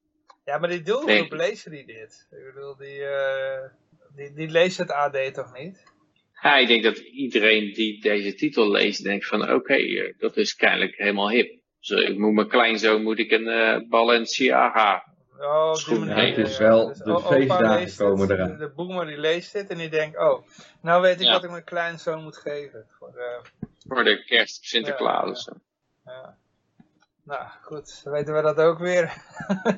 ja, ik weet niet hoe, hoe wij dit kunnen gebruiken om uh, bijvoorbeeld uh, libertarisme te promoten. ja. Nou ja, ik denk gewoon, maak gewoon gebruik van het systeem. Het systeem is verrot en ja, springen maar gewoon bovenop en... Uh, buit het gewoon uit op deze wijze, weet je wel. Maak er gewoon een ad van. Het is, uh, nee, het, mensen uh, ontwikkelen enorm slaapgebrek doordat ze vaak niet het, het boek Man Economy and State gewoon niet kunnen neerleggen. Dat, dat, dan kan je dan als oh, een probleem manier, ja, ja, adverteren. Hoe, hoe, kunnen we libertarisme beetje... verkopen op deze wijze? Een beetje hetzelfde verhaal als, als iemand zegt van ja, ik heb zo'n ontzettende jetlag. Dan wil hij niet zeggen van nou ik ben op een decadente vakantie geweest. Ik wil even vertellen hoe, uh, hoeveel geld ik wel niet aan mijn vakantie heb uitgegeven. Nee, dan zegt hij oh ik heb zo'n last van mijn jetlag. En dan moet jij zeggen van oh waar ben je naartoe geweest dan? Ah, nou, het is uh, dat je daar, toevallig dat je daar naar vraagt. En dan, uh, dan kan je een hele verhaal over, over je vakantie vertellen. En ik denk nou, dat dat... het zijn. Ja, dat, toch eens je moet... doen, wat interesse tonen dan. Ja, je, je kan moeilijk zeggen, mensen raken in de schulden doordat ze Ludwig van Mises lezen. Dat, dat kan je nou weer niet zeggen natuurlijk. Hè. Dat, uh... Lucas zegt alleen maar waarschijnlijk bij zo'n jetlag verhaal. Oh, wat vervelend voor je. Nou, ik moet weer verder. Koop collega's. Maar uh, ja, uh, misschien dat je met libertarisme ook zoiets kan doen. Je gaat het gewoon als een probleem. ja, liber libertariërs uh, weten gewoon niet wat ze met hun geld moeten doen nadat ze goud, zilver en bitcoin kocht. Ja, uh... ik geef het gewoon niet uit. ja, eh, we moeten er wat aan werken. Ik denk nog niet dat we dit helemaal uh, ja. op de vingers Maar je moet het, de truc is om het als een, als een nieuwsberichtje te weten te presenteren van een enorm probleem. En dan eigenlijk de submessage, die, die glijdt gewoon dan makkelijker naar binnen toe. Hè. Het is een soort soort uh, glijmiddel voor de, voor de submessage. Heeft, uh, de, Bitcoin heeft wel in, in de begintijd heel veel libertariërs. Tenminste, heel veel mensen kennen libertariërs dankzij de Bitcoin, weet je wel. Want uh, de eerste groep die eigenlijk bovenop die Bitcoin sprong, dat waren libertariërs hè, in 2010, 2011. Hmm. En als, je, als je steeds als je leest ergens over Bitcoin, dan lees je ook over die eerste generatie libertariërs, zoals Roger Ver, die ja, schatrijk zijn geworden. Nou ja, Roger was al rijk voordat hij in de bitcoin ging, maar die is nog rijker geworden. Die is van miljonair naar uh, miljardair gegaan. Dus ja, het is... Ja, ik denk dat... Dat is wel reclame, denk ik. Dat, uh, ja, op zich als de overheid allerlei dingen gaat verbieden rond bitcoin en dan, uh, dan denk ik dat dat ook, dat dat heeft hetzelfde effect. Want uh, als, je, als jij zegt van, uh, als de overheid zegt van ja, in, uh, in Rusland van bijvoorbeeld van we gaan bitcoin verbieden want, om witwassen te bestrijden. Wat, je daar, wat, wat de bericht dat daarvan uitgaat, en ik denk dat veel overheden dat intuïtief wel aanvoelen, is dat van oké, okay, bitcoin moet je hebben om wit te wassen. dat, dat, het, het, is niet zozeer dat, dat als overheden zeggen van ja, mensen speculeren enorm veel. Uh, koop absoluut geen aardbeien, want uh, uh, aardbeien zijn om wit te wassen. Dat heleboel mensen gewoon zeggen van, oh shit, wat heb ik dat nodig? Want eigenlijk impliciet hebben ze het door van als de overheid het afraadt, dan moet ik, dan moet ik dat hebben. En dat is eigenlijk, eigenlijk zo, zoiets ook zo van deze merken, die brengen je enorm in de schulden. Dus wordt eigenlijk afgeraden, wordt eigenlijk zo, oh dit is een vreselijke merken, want de studenten komen in de schulden. En veel mensen zullen dat in, ja, ja, uh, interpreteren als van, oh, die merken moet ik hebben. En dat is denk ik ook, als, hoe meer de overheid het gaat onderdrukken, hoe populairder het wordt, zeg maar. Want veel mensen leiden daaruit af van, oké, jullie naaien ons via fiat geld. Als jullie, als jullie bitcoin als een bedreiging zien, nou, dan moet ik dat kennelijk hebben om me, daar, om me daartegen te verdedigen. En dat, uh, ja, dat, dus, ja, dat heeft het tegenovergestelde effect. En ik denk dat dat overheden dat ook wel weten en dat ze daarom huiverig zijn om het heel erg uh, onder druk te zetten. Omdat dat dan te duidelijk blijkt dat dat uh, rivaal is. Ja. dit is wel een goede manier ja. voor, voor, voor, vloggers, weet je wel. Als ze de reclamecodecommissie willen uh, ontwijken, dan gaan ze juist in hun vlogs juist waarschuwen voor de gevaren ja, van Red Bull. En van, ja, ja, als je Red Bull drinkt, dan, dan, dat, kost zoveel geld. Het is, die blikjes zijn ja, twee keer zo duur al die jongeren, al die, huh? al die hippe jongeren, die drinken allemaal Red Bull en daar moeten we echt wat aan doen. En we praten met wethouders en zo om te kijken wat we eraan kunnen doen. Ja, ja. Dat is inderdaad een enorme reclame gewoon. Overigens, uh, in de chat wordt gezegd, um, Adidas met LP-logo, zegt uh, Rick. ja. Ja, nee, ja, dat is inderdaad een idee van uh, gewoon vloggers die... Uh, maar we, we, hebben trouwens dan wel reclame gemaakt voor de LP, hè? Ja, dus, dat, dat is ook de reden trouwens waarom, waarom oh, ja. in die verkiezingen dat Ron Paul meedeed. dat ze hem echt gewoon helemaal doodzwegen. Ze zwegen hem zo dood zelfs dat ze... Ze hadden een poll en er stond dan op nummer 1 staat dit, nummer 2 bestaat niet en over nummer 3, 4, 5 staat dit. en dan liet ze gewoon, liet ze gewoon echt helemaal weg. Omdat ze wisten van, ja, je moet het gewoon, je moet het niet noemen. Als je gaat noemen van, oh, de rivaal nummer, op nummer 2 uh, is, uh, is Ron Paul, dan, dan werk je hem alleen maar in de hand. Ook als je er negatief over praat, dan, dan denken mensen van, oké, okay, dat is dus degene die het establishment uh, bevecht. Moet ik die hebben? En dus je moet hem echt gewoon helemaal niet noemen. Dat is, dat is de enige manier. Zeg maar, hier worden die merken dus expliciet genoemd en dat is gelijk reclame. Als je, als je er echt voor zou waarschuwen, dan zou je het niet doen. Ja. Ja. ja. Goed te zien, goed te zien. Die mediatraining heeft geholpen. ja, ja, Dus we moeten eigenlijk mensen waarschuwen voor de LP. Dat is gewoon gevaarlijk. De LP. Ja, voor vrijheid. Mensen worden helemaal wappie. Ja. Pas op, daar is vrijheid. Ja, ja, Nou ja, dat valt ook wel mee. Eigenlijk wel goed dat te Mensen die gaan steeds te, gaan te veel van zichzelf houden en worden daardoor zelfzuchtig. die hebben zoveel welvaart, die ze niet met, met anderen willen delen. Kijk maar eens naar al die grote huizen waar ze in wonen. Ja. Al die LP'ers in wonen. Ja. Valt ook mee, hè? De PvdA zo'n in grotere huizen. Hm. Uh, ja, dan komen we helemaal aan het einde. De, de laatste bericht. De minister... Uh, ja, we hebben het trouwens nog niet over de verkiezingen gehad. Ik had wel eigenlijk gezegd van we moeten er nog even wat over hebben. Maar verkiezingen in Amerika hoor. Maar hier, hier, hier, eerst nog een berichtje. Minister beperkt stijging van de... Sorry hoor. Uh, van de woninghuren in uh, vrije sector. Ja. ja, de onvrije sector. ja, dat is natuurlijk ja. wel raar inderdaad. Vrije sector was altijd vrij, uh, ja, dat was vrij van reguleren. Je kon daar gewoon de huur zelf vaststellen als je het verhuurde. En, en zien waar het eindigde, of je daarvoor iemand aan kon trekken die dat wilde betalen. En daarom gaat de vrije sector ook gereguleerd. Nou, die is al gereguleerd hoor. Ik, ik heb zelf ooit de kamer verkocht en dan uh, ja, bleek die huur in één keer allemaal rechten te hebben. Ik bedoel, uh, ik had een papiertje getekend, weet je wel. En uh, ja, Goossen betaalde in één keer, tenminste, ja, ik laat het even heel, heel kort vertellen. In ieder geval, de, de huur werd niet betaald. En toen zei ik, nou ja, dan rot je maar op, dan gooi ik iemand anders erin. En dan bleek hij in één keer rechten te hebben. Ja. Nou, ik had een schuit, ik heb hem gewoon eruit geflikkerd. Maar dus zei ik, ja, het is mijn handtekening niet die, die op dat papiertje staat. Maar... De, ja, ja, ja. Dan laat je het wel makkelijk wegsturen. Wijs maar dat het mijn handtekening is. maar goed, ja. Ja. Maar goed, uh, geen vrije sector meer dus. Nou, was het dan niet? Was het dan niet nog minder vrije sector woningen ja, dan? Nog onvrijer geworden. ja, en dus ook uh, waarschijnlijk de nieuwe pandjes die in het vuur komen, die zullen dan aan een hogere huurprijs op de markt komen. En uh, ja, uh, their win. En de los voor de huurder. Maar goed, het scoort wel weer even goed in, in, in, het nieuws. Hè? Want het was wel in het nieuws dat zo heldhaftig was opgetreden door, door het regime. Dus ja, heel goed. Is, even kijken, wat is het? Nu.nl? Ja, nu.nl. Oh, dan kan ik nog even de leukste reacties eruit halen. Dat is altijd lachen. Die doet hem, die doet hem.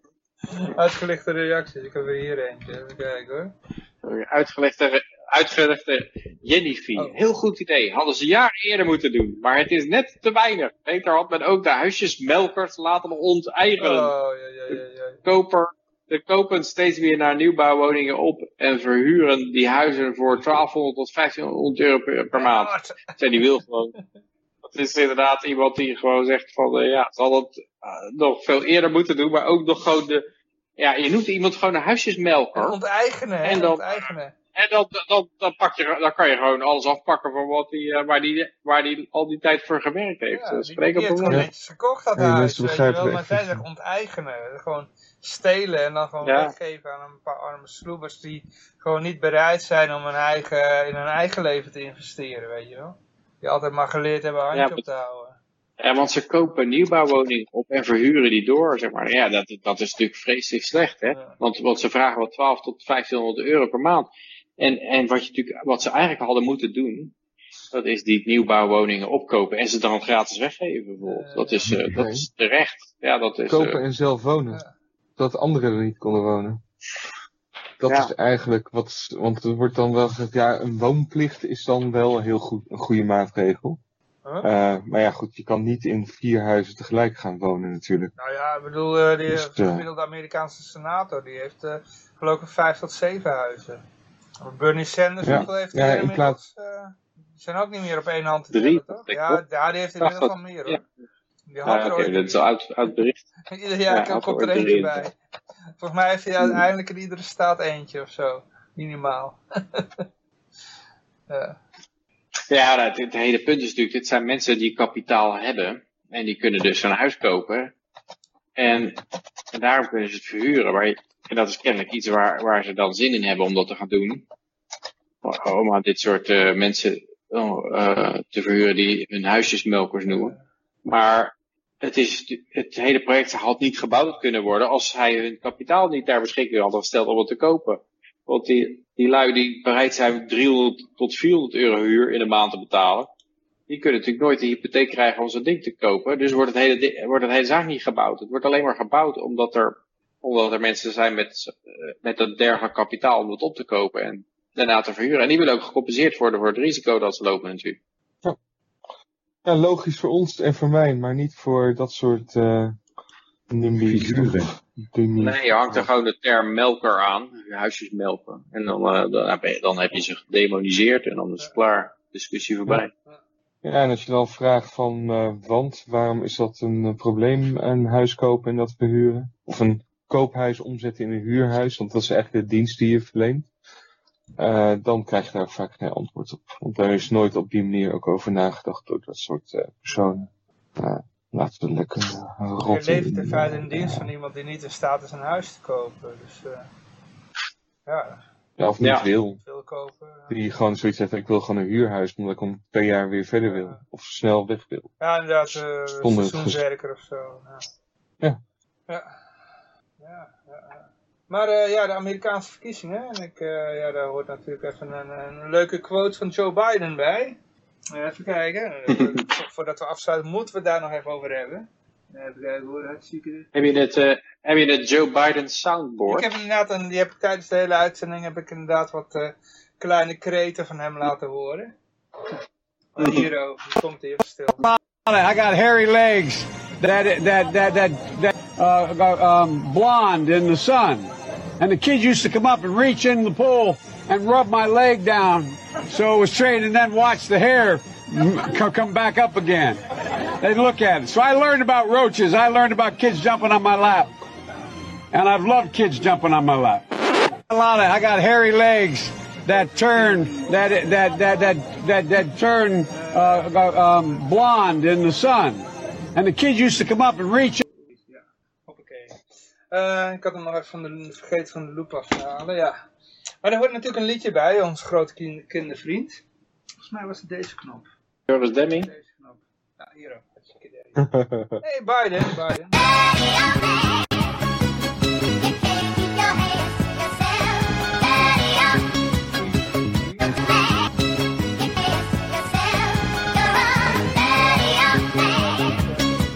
gelden ze niet.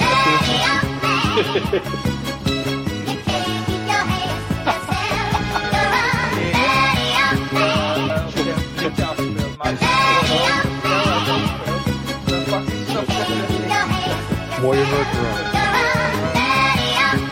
Alleen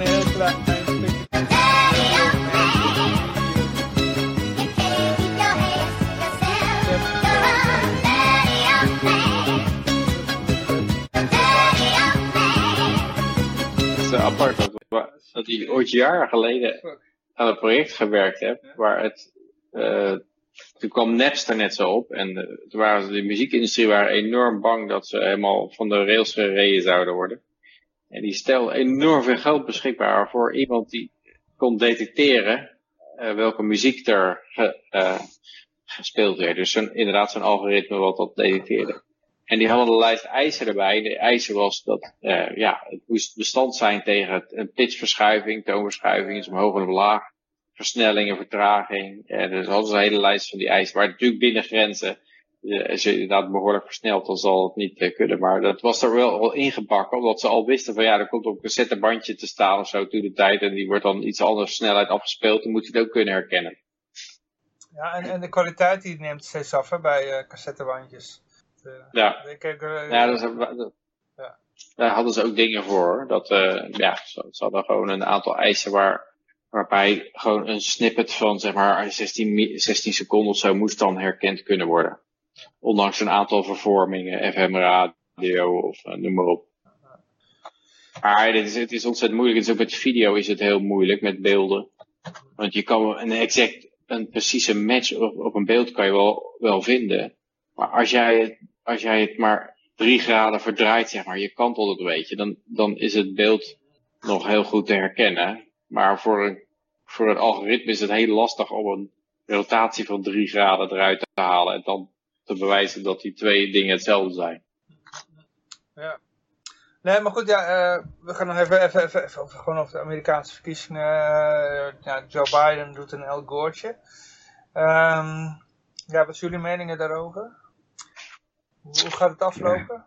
Ja, dit, dit, het vervelende is wel uh, dat, uh, dat je, wat, wat mij vooral zorgen baart is hoeveel mensen hierin meegaan en niet zien dat het proces nog niet uh, rechtvaardigt dat hij president-elect is.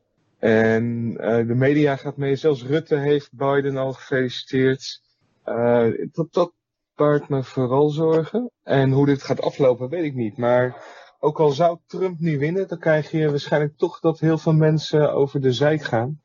En dan gaat toch wel weer een groot deel van de Amerikaanse binnensteden gaan er waarschijnlijk weer aan. En dat is natuurlijk gewoon kloten. Ja, ik vraag me af of, of, een agressieve achterband van Trump meer schade veroorzaakt dan een agressieve achterband van Biden. Ik bedoel, wie van de twee maakt de meeste schade? Ja, ja welke agressieve, agressieve geen, van Trump, uh, vraag ik me dan af, maar oké. Okay. Ja, ja, inderdaad, je kan daar natuurlijk ook inderdaad, uh, hoe noem je zoiets ook alweer, uh, agent provocateurs hebben of zo. Ja. Ja, aan de andere kant. Maar ik heb het idee dat media ook Trump niet kwijt willen, want ze, de enige reden dat, dat ze met Biden enigszins naar voren hebben kunnen pushen, is omdat, omdat het als als tegenwicht tegen Trump. Ja, Trump is zo erg, dus Satan hemzelf. Dus je moet op Biden stemmen om Satan weg te krijgen. Mm. Maar als je Satan weghaalt, dan, dan is er opeens een, een demente oude warmonger die gewoon uh, uh, vreselijke plannen heeft om de, alle fossiele brandstoffen af te schaffen en denkt dat hij kanker kan genezen en al van dat soort uh, onzin. Ik, vraag en de over... Wat ik, denk dat, dat, dat Biden zo de, naar voren geschoven is, is omdat het gewoon een tool is. Het is gewoon een bruikbaar iemand. Ik denk dat Biden het zelf ja, ja. kan uitmaken wat, wat het beleid is. Hij zit er gewoon omdat hij gewoon in de private sector had hij nooit zo'n goede baan kunnen krijgen. Want hij kan eigenlijk helemaal niks. Maar hij, hij kan goed uh, ja, een verhaal lullen, schijnbaar, weet je wel. Dus, ja, zelfs dat niet meer, want hij leest nou gewoon ja, zelfs dat niet meer. Hele, oh. Daar heb ik ook een soundbite van. ja, deze is goed van de teleprompter. Oké, okay, daar komt hij. Dat was deze. Stil. Come on. Ja, hij is they can't even figure out how to deal with dus the, the, the fact that they have this great division between the China Sea and the mountains in the east. I mean, in the west. I mean, I, you know, they're not a they're, they're not, not they're competition for us. ja, het was hem. Ja, hij ratelt nog wat na. en dat was een van de vele fragmenten hoor. Ik denk, ik pak deze gewoon even eruit. Ja. Maar ik denk dat de, de media heeft gewoon vier jaar lang hebben ze die verkiezingen uitslag van 2016 niet herkend en alleen maar over, uh, over uh, Russian collusion en impeachment over Oekraïne, telefoongesprekjes, uh, wat allemaal precies tegenovergestelde was.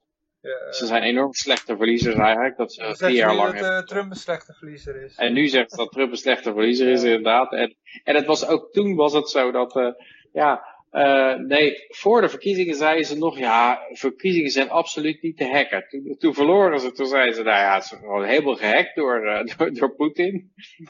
en en nu wordt er weer gezegd van, uh, ja, verkiezingsfraude, maak het nou. Dat is gewoon echt niet, uh, niet te doen, de verkiezingsfraude. Dat is echt super, super beschermd en integer. En uh, daar kan echt, uh, krijgt niemand een spel tussen, tussen dit soort ja, dat is uitslagen.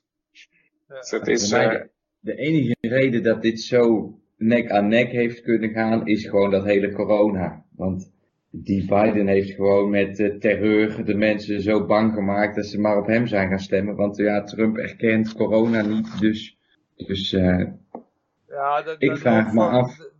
Ik heb al beelden gezien van, en dat gewoon van één county waar gewoon zo gefraudeerd was. Dat, we hadden ze alleen al zo'n pakket aan bewijsmateriaal, weet je wel, wat ze dan uh, inleverden. Dat was dan alleen nog maar een county. En dan, ja, dan moet je dat er vrachtwagenladingen aan bewijs zijn van, van fraude. En dan lees je dat er ook overal. Ja. Al het headlines zijn. Trump, die de totale unfounded allegation uh, heeft dat er verkiezingsfraude is gepleegd. Overal staat er gelijk bij, net zoals bij Pizzagate. Er stond ook altijd, als je Pizzagate las, er stond er Pizzagate. The totally debunked conspiracy theory that pedophiles uh, have uh, positions of power. En dan gaat het, gaat het verder. En, en dat is hier ook weer zo. Er wordt gelijk overal debunk bij gezet en, ja. uh, en uh, totaal unfounded. En, uh, en ja, dat is hetzelfde wat Biden zelf ook deed. Hè. als het over zijn zoon Hunter ging, dan zei hij, nobody says that Hunter has done anything wrong. Dat was altijd zijn response. Nobody said that he did anything wrong. Terwijl, terwijl hij, die Hunter was gewoon onder FBI investigation op dat moment. Dus ja, dan is er kennelijk wel iemand die dat uh, zegt. Maar dat blijf je gewoon door dik en dun volhouden. De totally debunked uh, conspiracy theory dat er uh, election fraud is. ja, dan ga je daarmee verder. Ja, maar het is wel echt heel lastig om te bepalen. Die beelden die je ziet bijvoorbeeld van die dozen. Tenminste, als het dezelfde, hetzelfde beeld is als wat ik heb gezien. Ja, dat zijn alleen maar dozen. En je kan er wel bij zetten van, hé, dat zijn allemaal stembiljetten uh, van een datum voordat die voordat het precies werd ja, afgestemd of veel, zo. Heel veel dingen Ja, je weet niet of het echt dat is. Dat er ook letterlijk uh, gewoon tassen waren met, met stembiljetten. En dan zag je ook gewoon echt dat stembiljetten waren. Die iemand die zei dan fuck Trump en die gooide benzine overheen en stak het in de fik. En uh, ja, uh, ik heb zo, dat is allemaal, zoveel van dat soort dingen gezien. Ja, er zijn ook wel wat statistische aanwijzingen dat er geknoeid is. Hè? Want, als je kijkt naar de bijvoorbeeld eens een onderzoek geweest. Die hebben gewoon van de New York Times de data, uh, New York Times site de data afgescraped. En die zijn er statistische analyse op gelost van halen. En dan zie je dat, dat je hebt die, die mail-in ballots, die zijn natuurlijk allemaal op verschillende momenten gepost. En die zijn door elkaar gehusseld in het uh, sorteerstation. En die zijn in een vrachtwagen geladen. En de, sommige kwamen er als eerste uit, de andere als laatste. En er zitten een heleboel stappen in. Dus het is heel waarschijnlijk dat, die, dat, dat, daar, dat daar een constante hoeveelheid ratio tussen Republikeinen en Democraten tussen zit. Door de hele dag heen. Die, als je die gaat tellen, dan verwacht je niet dat daar een trend in zit. Omdat die, die trend is verloren gegaan, gewoon in het hele proces. Omdat, ja, mensen kunnen dat op elk moment op de bus doen. En dan, dan komt het allemaal op verschillende punten terecht. Dus het is niet zo dat, dat je kan zeggen van, nou, uh, ja, die, uh, uh, zoals bij het platteland is anders, is meer republikeins dan de stad of zo. dus dat, dat kan je wel zeggen. Maar als het allemaal ingestuurd wordt en door zo'n zo'n sorteermachine heen gaat en opgeslagen en, verzameld, dan is dat, zou dat te rennen moeten zijn. Dus als daar een trend in zit, dan is dat heel verdacht. En dat, heb je, dat kan je waarnemen, dat aan het eind opeens van, van de mail-in ballots, dat opeens die helemaal naar democratisch omslaan aan het eind bij die swing states. 200.000 ballots die uh, allemaal 100% unaniem voor, uh, Biden zijn. Maar, stel dat nou 100% unaniem, uh, zo'n doos 200.000 stemmen, unaniem voor Joe Jorgensen. dan hadden ze dat wel wat van gezegd, denk ik. Hè? maar uh, er wordt in de chat ook nog gevraagd over Joe Jorgensen gesproken. We moeten natuurlijk even de, de LP ook nog vermelden in uh, de VS. Ja, ja die zijn, als, je, als je kijkt naar hun marge, wat die hebben gehaald, die hebben iets van 1% gehaald dus op staten. En dat is meer dan de marge die Biden zou hebben gehad om te, te winnen. Wat betekent dat als, uh, ja, dan krijg je het oude argument weer terug. Ja. Van ja, je moet stemmen maar op de Republikeinen, dan, uh, dan dat, uh, ja, dan, dan hadden, terwijl, ja, er zijn natuurlijk ook een heleboel links-libertariërs die, die liever Biden zien winnen. Ja, en Joe Jurgens zat heel erg aan de linkerkant te vissen. Ja, ja. Dus, ja. En niet, ik ben in ieder geval benieuwd hoe het afloopt.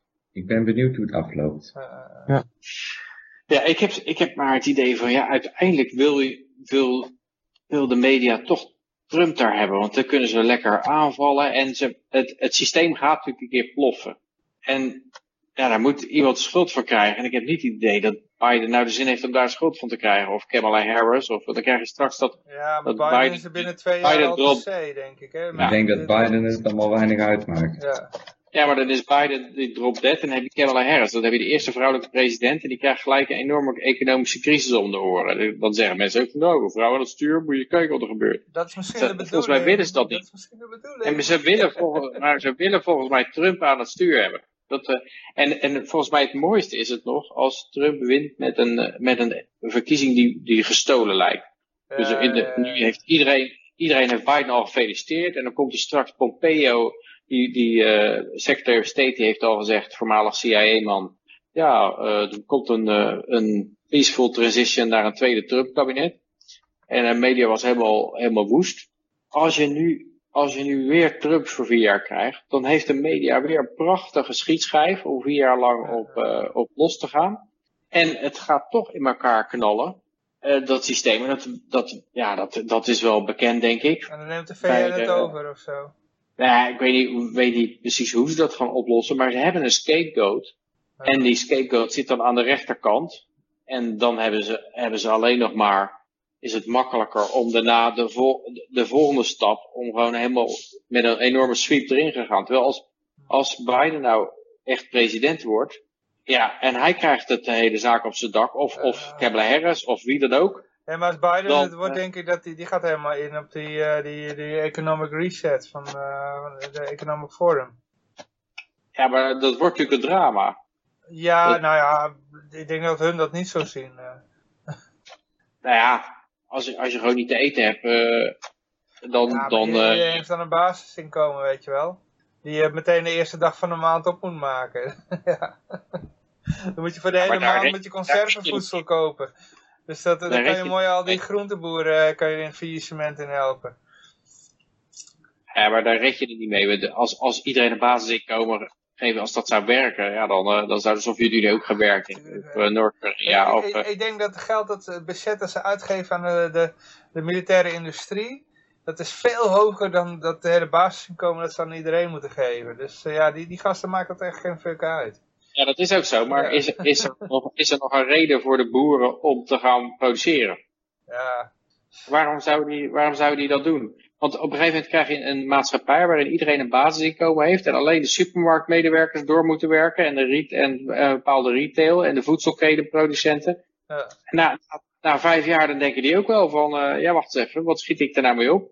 Uh, iedereen zit een beetje Netflix te kijken thuis en ik ben de hele dag aan het werk. Ja, nou ja, Sovjet-Unie heeft het toch nog 70 jaar volgehouden, hè? Ja, maar dit, dit, dit loopt natuurlijk al aardig op zijn laatste been als je kijkt wat Trump er nou weer aan schuld heeft bijgejongd. Uh, dat is wel weer gigantisch. En dat wordt de volgende termijn wordt natuurlijk nog veel meer. Dus dat, is, dat, dat, verdubbelt alleen maar elke periode. Hm. Ja, uh, het houdt een keer op natuurlijk. Het gaat ook inderdaad veel verder door dan ik had gedacht. Maar... Ja, maar ik denk ze, ze maken nou een nieuwe crypto van. En uh, ik bedoel, dan is het einde dollar zoals we die kenden. En uh, hallo, uh, wat was, ja, hoe, zou, hoe zou de nieuwe munt heten? Uh, Josje, weet jij al de naam van de nieuwe, of heet nee. het gewoon dollar? Nee, de naam is niet bekend. Okay. Ja, maar het is gewoon weer een, eigenlijk, eigenlijk ja, vanuit libertaris perspectief. Op het internet noemt iedereen het, op het internet wordt het de Fatcoin genoemd. Oké, okay, oké. Okay. De Globo. de Globo. Ah ja, en je hebt natuurlijk altijd nog de, maar dat is heel iets anders. Nee, dus ik, ik durf het niet te zeggen. Ik durf het niet te zeggen. Uh, ja, maar goed, ik denk dat vanuit libertarisch perspectief is natuurlijk weer een doekje voor de bloeden, weet je wel. Dat, uh, dat is alle voorgaande maatregelen waren ook een, doekje voor het bloeden. Dus je lost het probleem niet op, weet je wel. Je had gewoon alleen maar die stinkende wond waar een nieuw lapje omheen gaat. Ja, dat ja, het is, het is uh, ik denk dat ze ook wel weten dat het niet meer te redden is met deze schulden. En dat ergens een keer moet er iemand dat, teleurgesteld worden. Dat betwijfel ik. Denk, ik, ik, ik, denk dat ze juist wel denken dat ze het uh, op gaan lossen. Ze hebben niet dat inzicht dat wij hebben, denk ik. Ze, ze denken dat ze... Nou, nee. Godsamme, wij hebben nou een oplossing, jongens. Dit gaat werken. Trump heeft het puur voor zich uitgeschoven tot over de verkiezingen. Tot aan de verkiezingen wilde hij gewoon kunnen verkopen dat het great, fantastic op de beurzen ging. En dat er nooit, nog nooit ja, zoveel mensen aan het werk waren. Dat iedere president. Obama deed ja. het ook. Die zei ook van kijk eens naar de beurzen jongen, het gaat hartstikke omhoog. Ja. ja, maar goed, het gaat wel een keer knallen uh, de komende tijd. Maar ja, dan zijn die verkiezingen al achter de rug, hè, dus dan boeit het ook niet meer. Ja, het zijn allemaal too big to fail, zeg ik. mm, de dollar ja, dan, maar, maar dan ga je inderdaad de dollar onderuit. Dan ga je iedereen Kijk, dit MMT zit ze ook al heel erg te promoten nou in de academische kring van de Magic Money Tree. Hè? Van, uh, ja, de overheid kan gewoon geld drukken, dus die hoeft helemaal geen belasting te heffen. Maar ja, daarvan weten we ook wel van ja, als ze dat gaan doen, is er gewoon geld drukken voor alles wat ze nodig hebben. Dat de plannen alleen maar megalomaner worden. En ja, daar is helemaal geen financieringsgrens meer op. En dan is het theoretisch is het zo van ja, maar als de inflatie komt, dan moeten ze even gas terugnemen. Nou ja, maar dat is niks anders dan het hele Keynesiaanse model, waarbij de overheid ook anticyclisch moet zijn en, en, uh, en, en moet uitgeven als de markt bezuinigt en moet bezuinigen als de markt uitgeeft. En dat is ook nooit gebeurd, want de overheid heeft alleen maar uitgegeven. Die heeft nooit een Keynesiaanse uh, ja, anticyclisch beleid gevoerd. Dus ook die MMT zal weer absoluut niet anticyclisch zijn. Dus dat betekent alleen maar uitgeven. En dat betekent dat de munteenheid daar, daar aan moet gaan. En dat lijkt me ook de meest logische uitweg, ja. ja.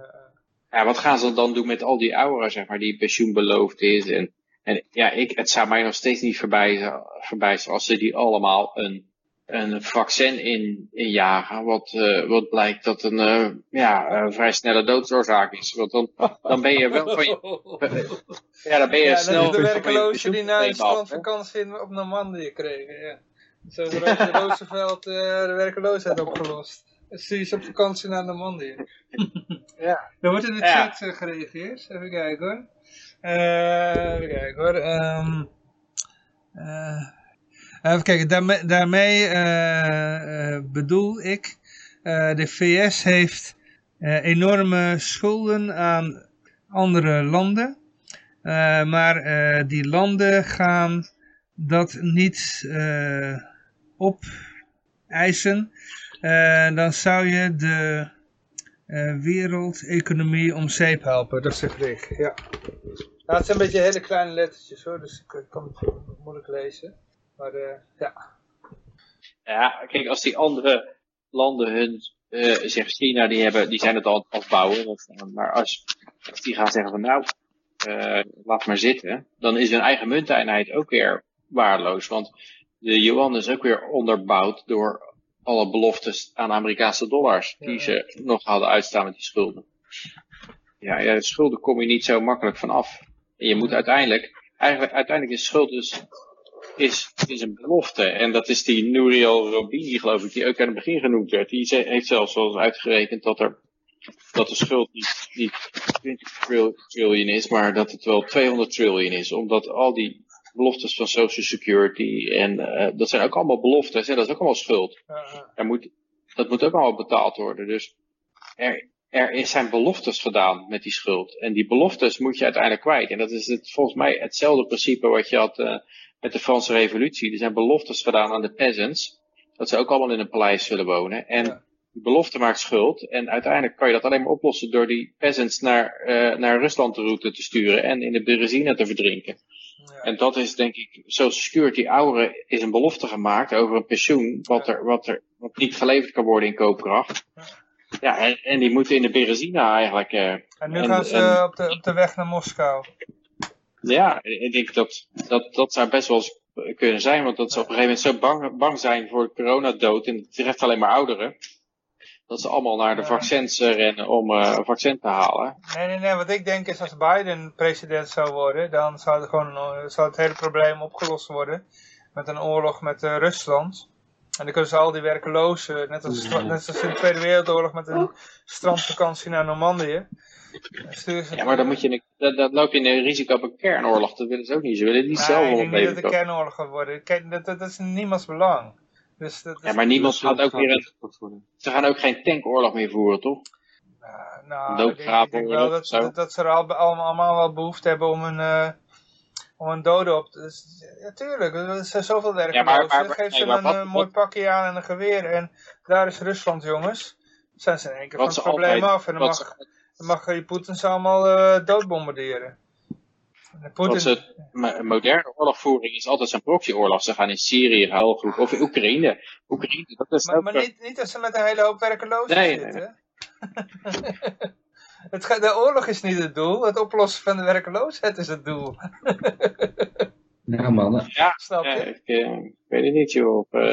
Maar het is laat. Het is ik heb ook nog even een mededeling op het einde van de show. Oh, ja, ik heb het net gered, zeg. 10 minuten heb ik nog. Oh, ik heb me helemaal, helemaal suf gespeeld. Oh, je zat ondertussen de game. Ik dacht dat je echt zat te pijnen. Ik dacht dat je lag te tukken of zo. Nee, ik zit met open ogen. Nee, hij zat te filosoferen en zo. Dat is zo lekker. maar vertel. Nou ja, ik had nog 10 minuutjes op de klok. Om 12 uur wordt die gereset. Dus ik heb hem precies, precies gehaald. Maar ik had elke seconde nodig. Je hebt je Hamilton binnen.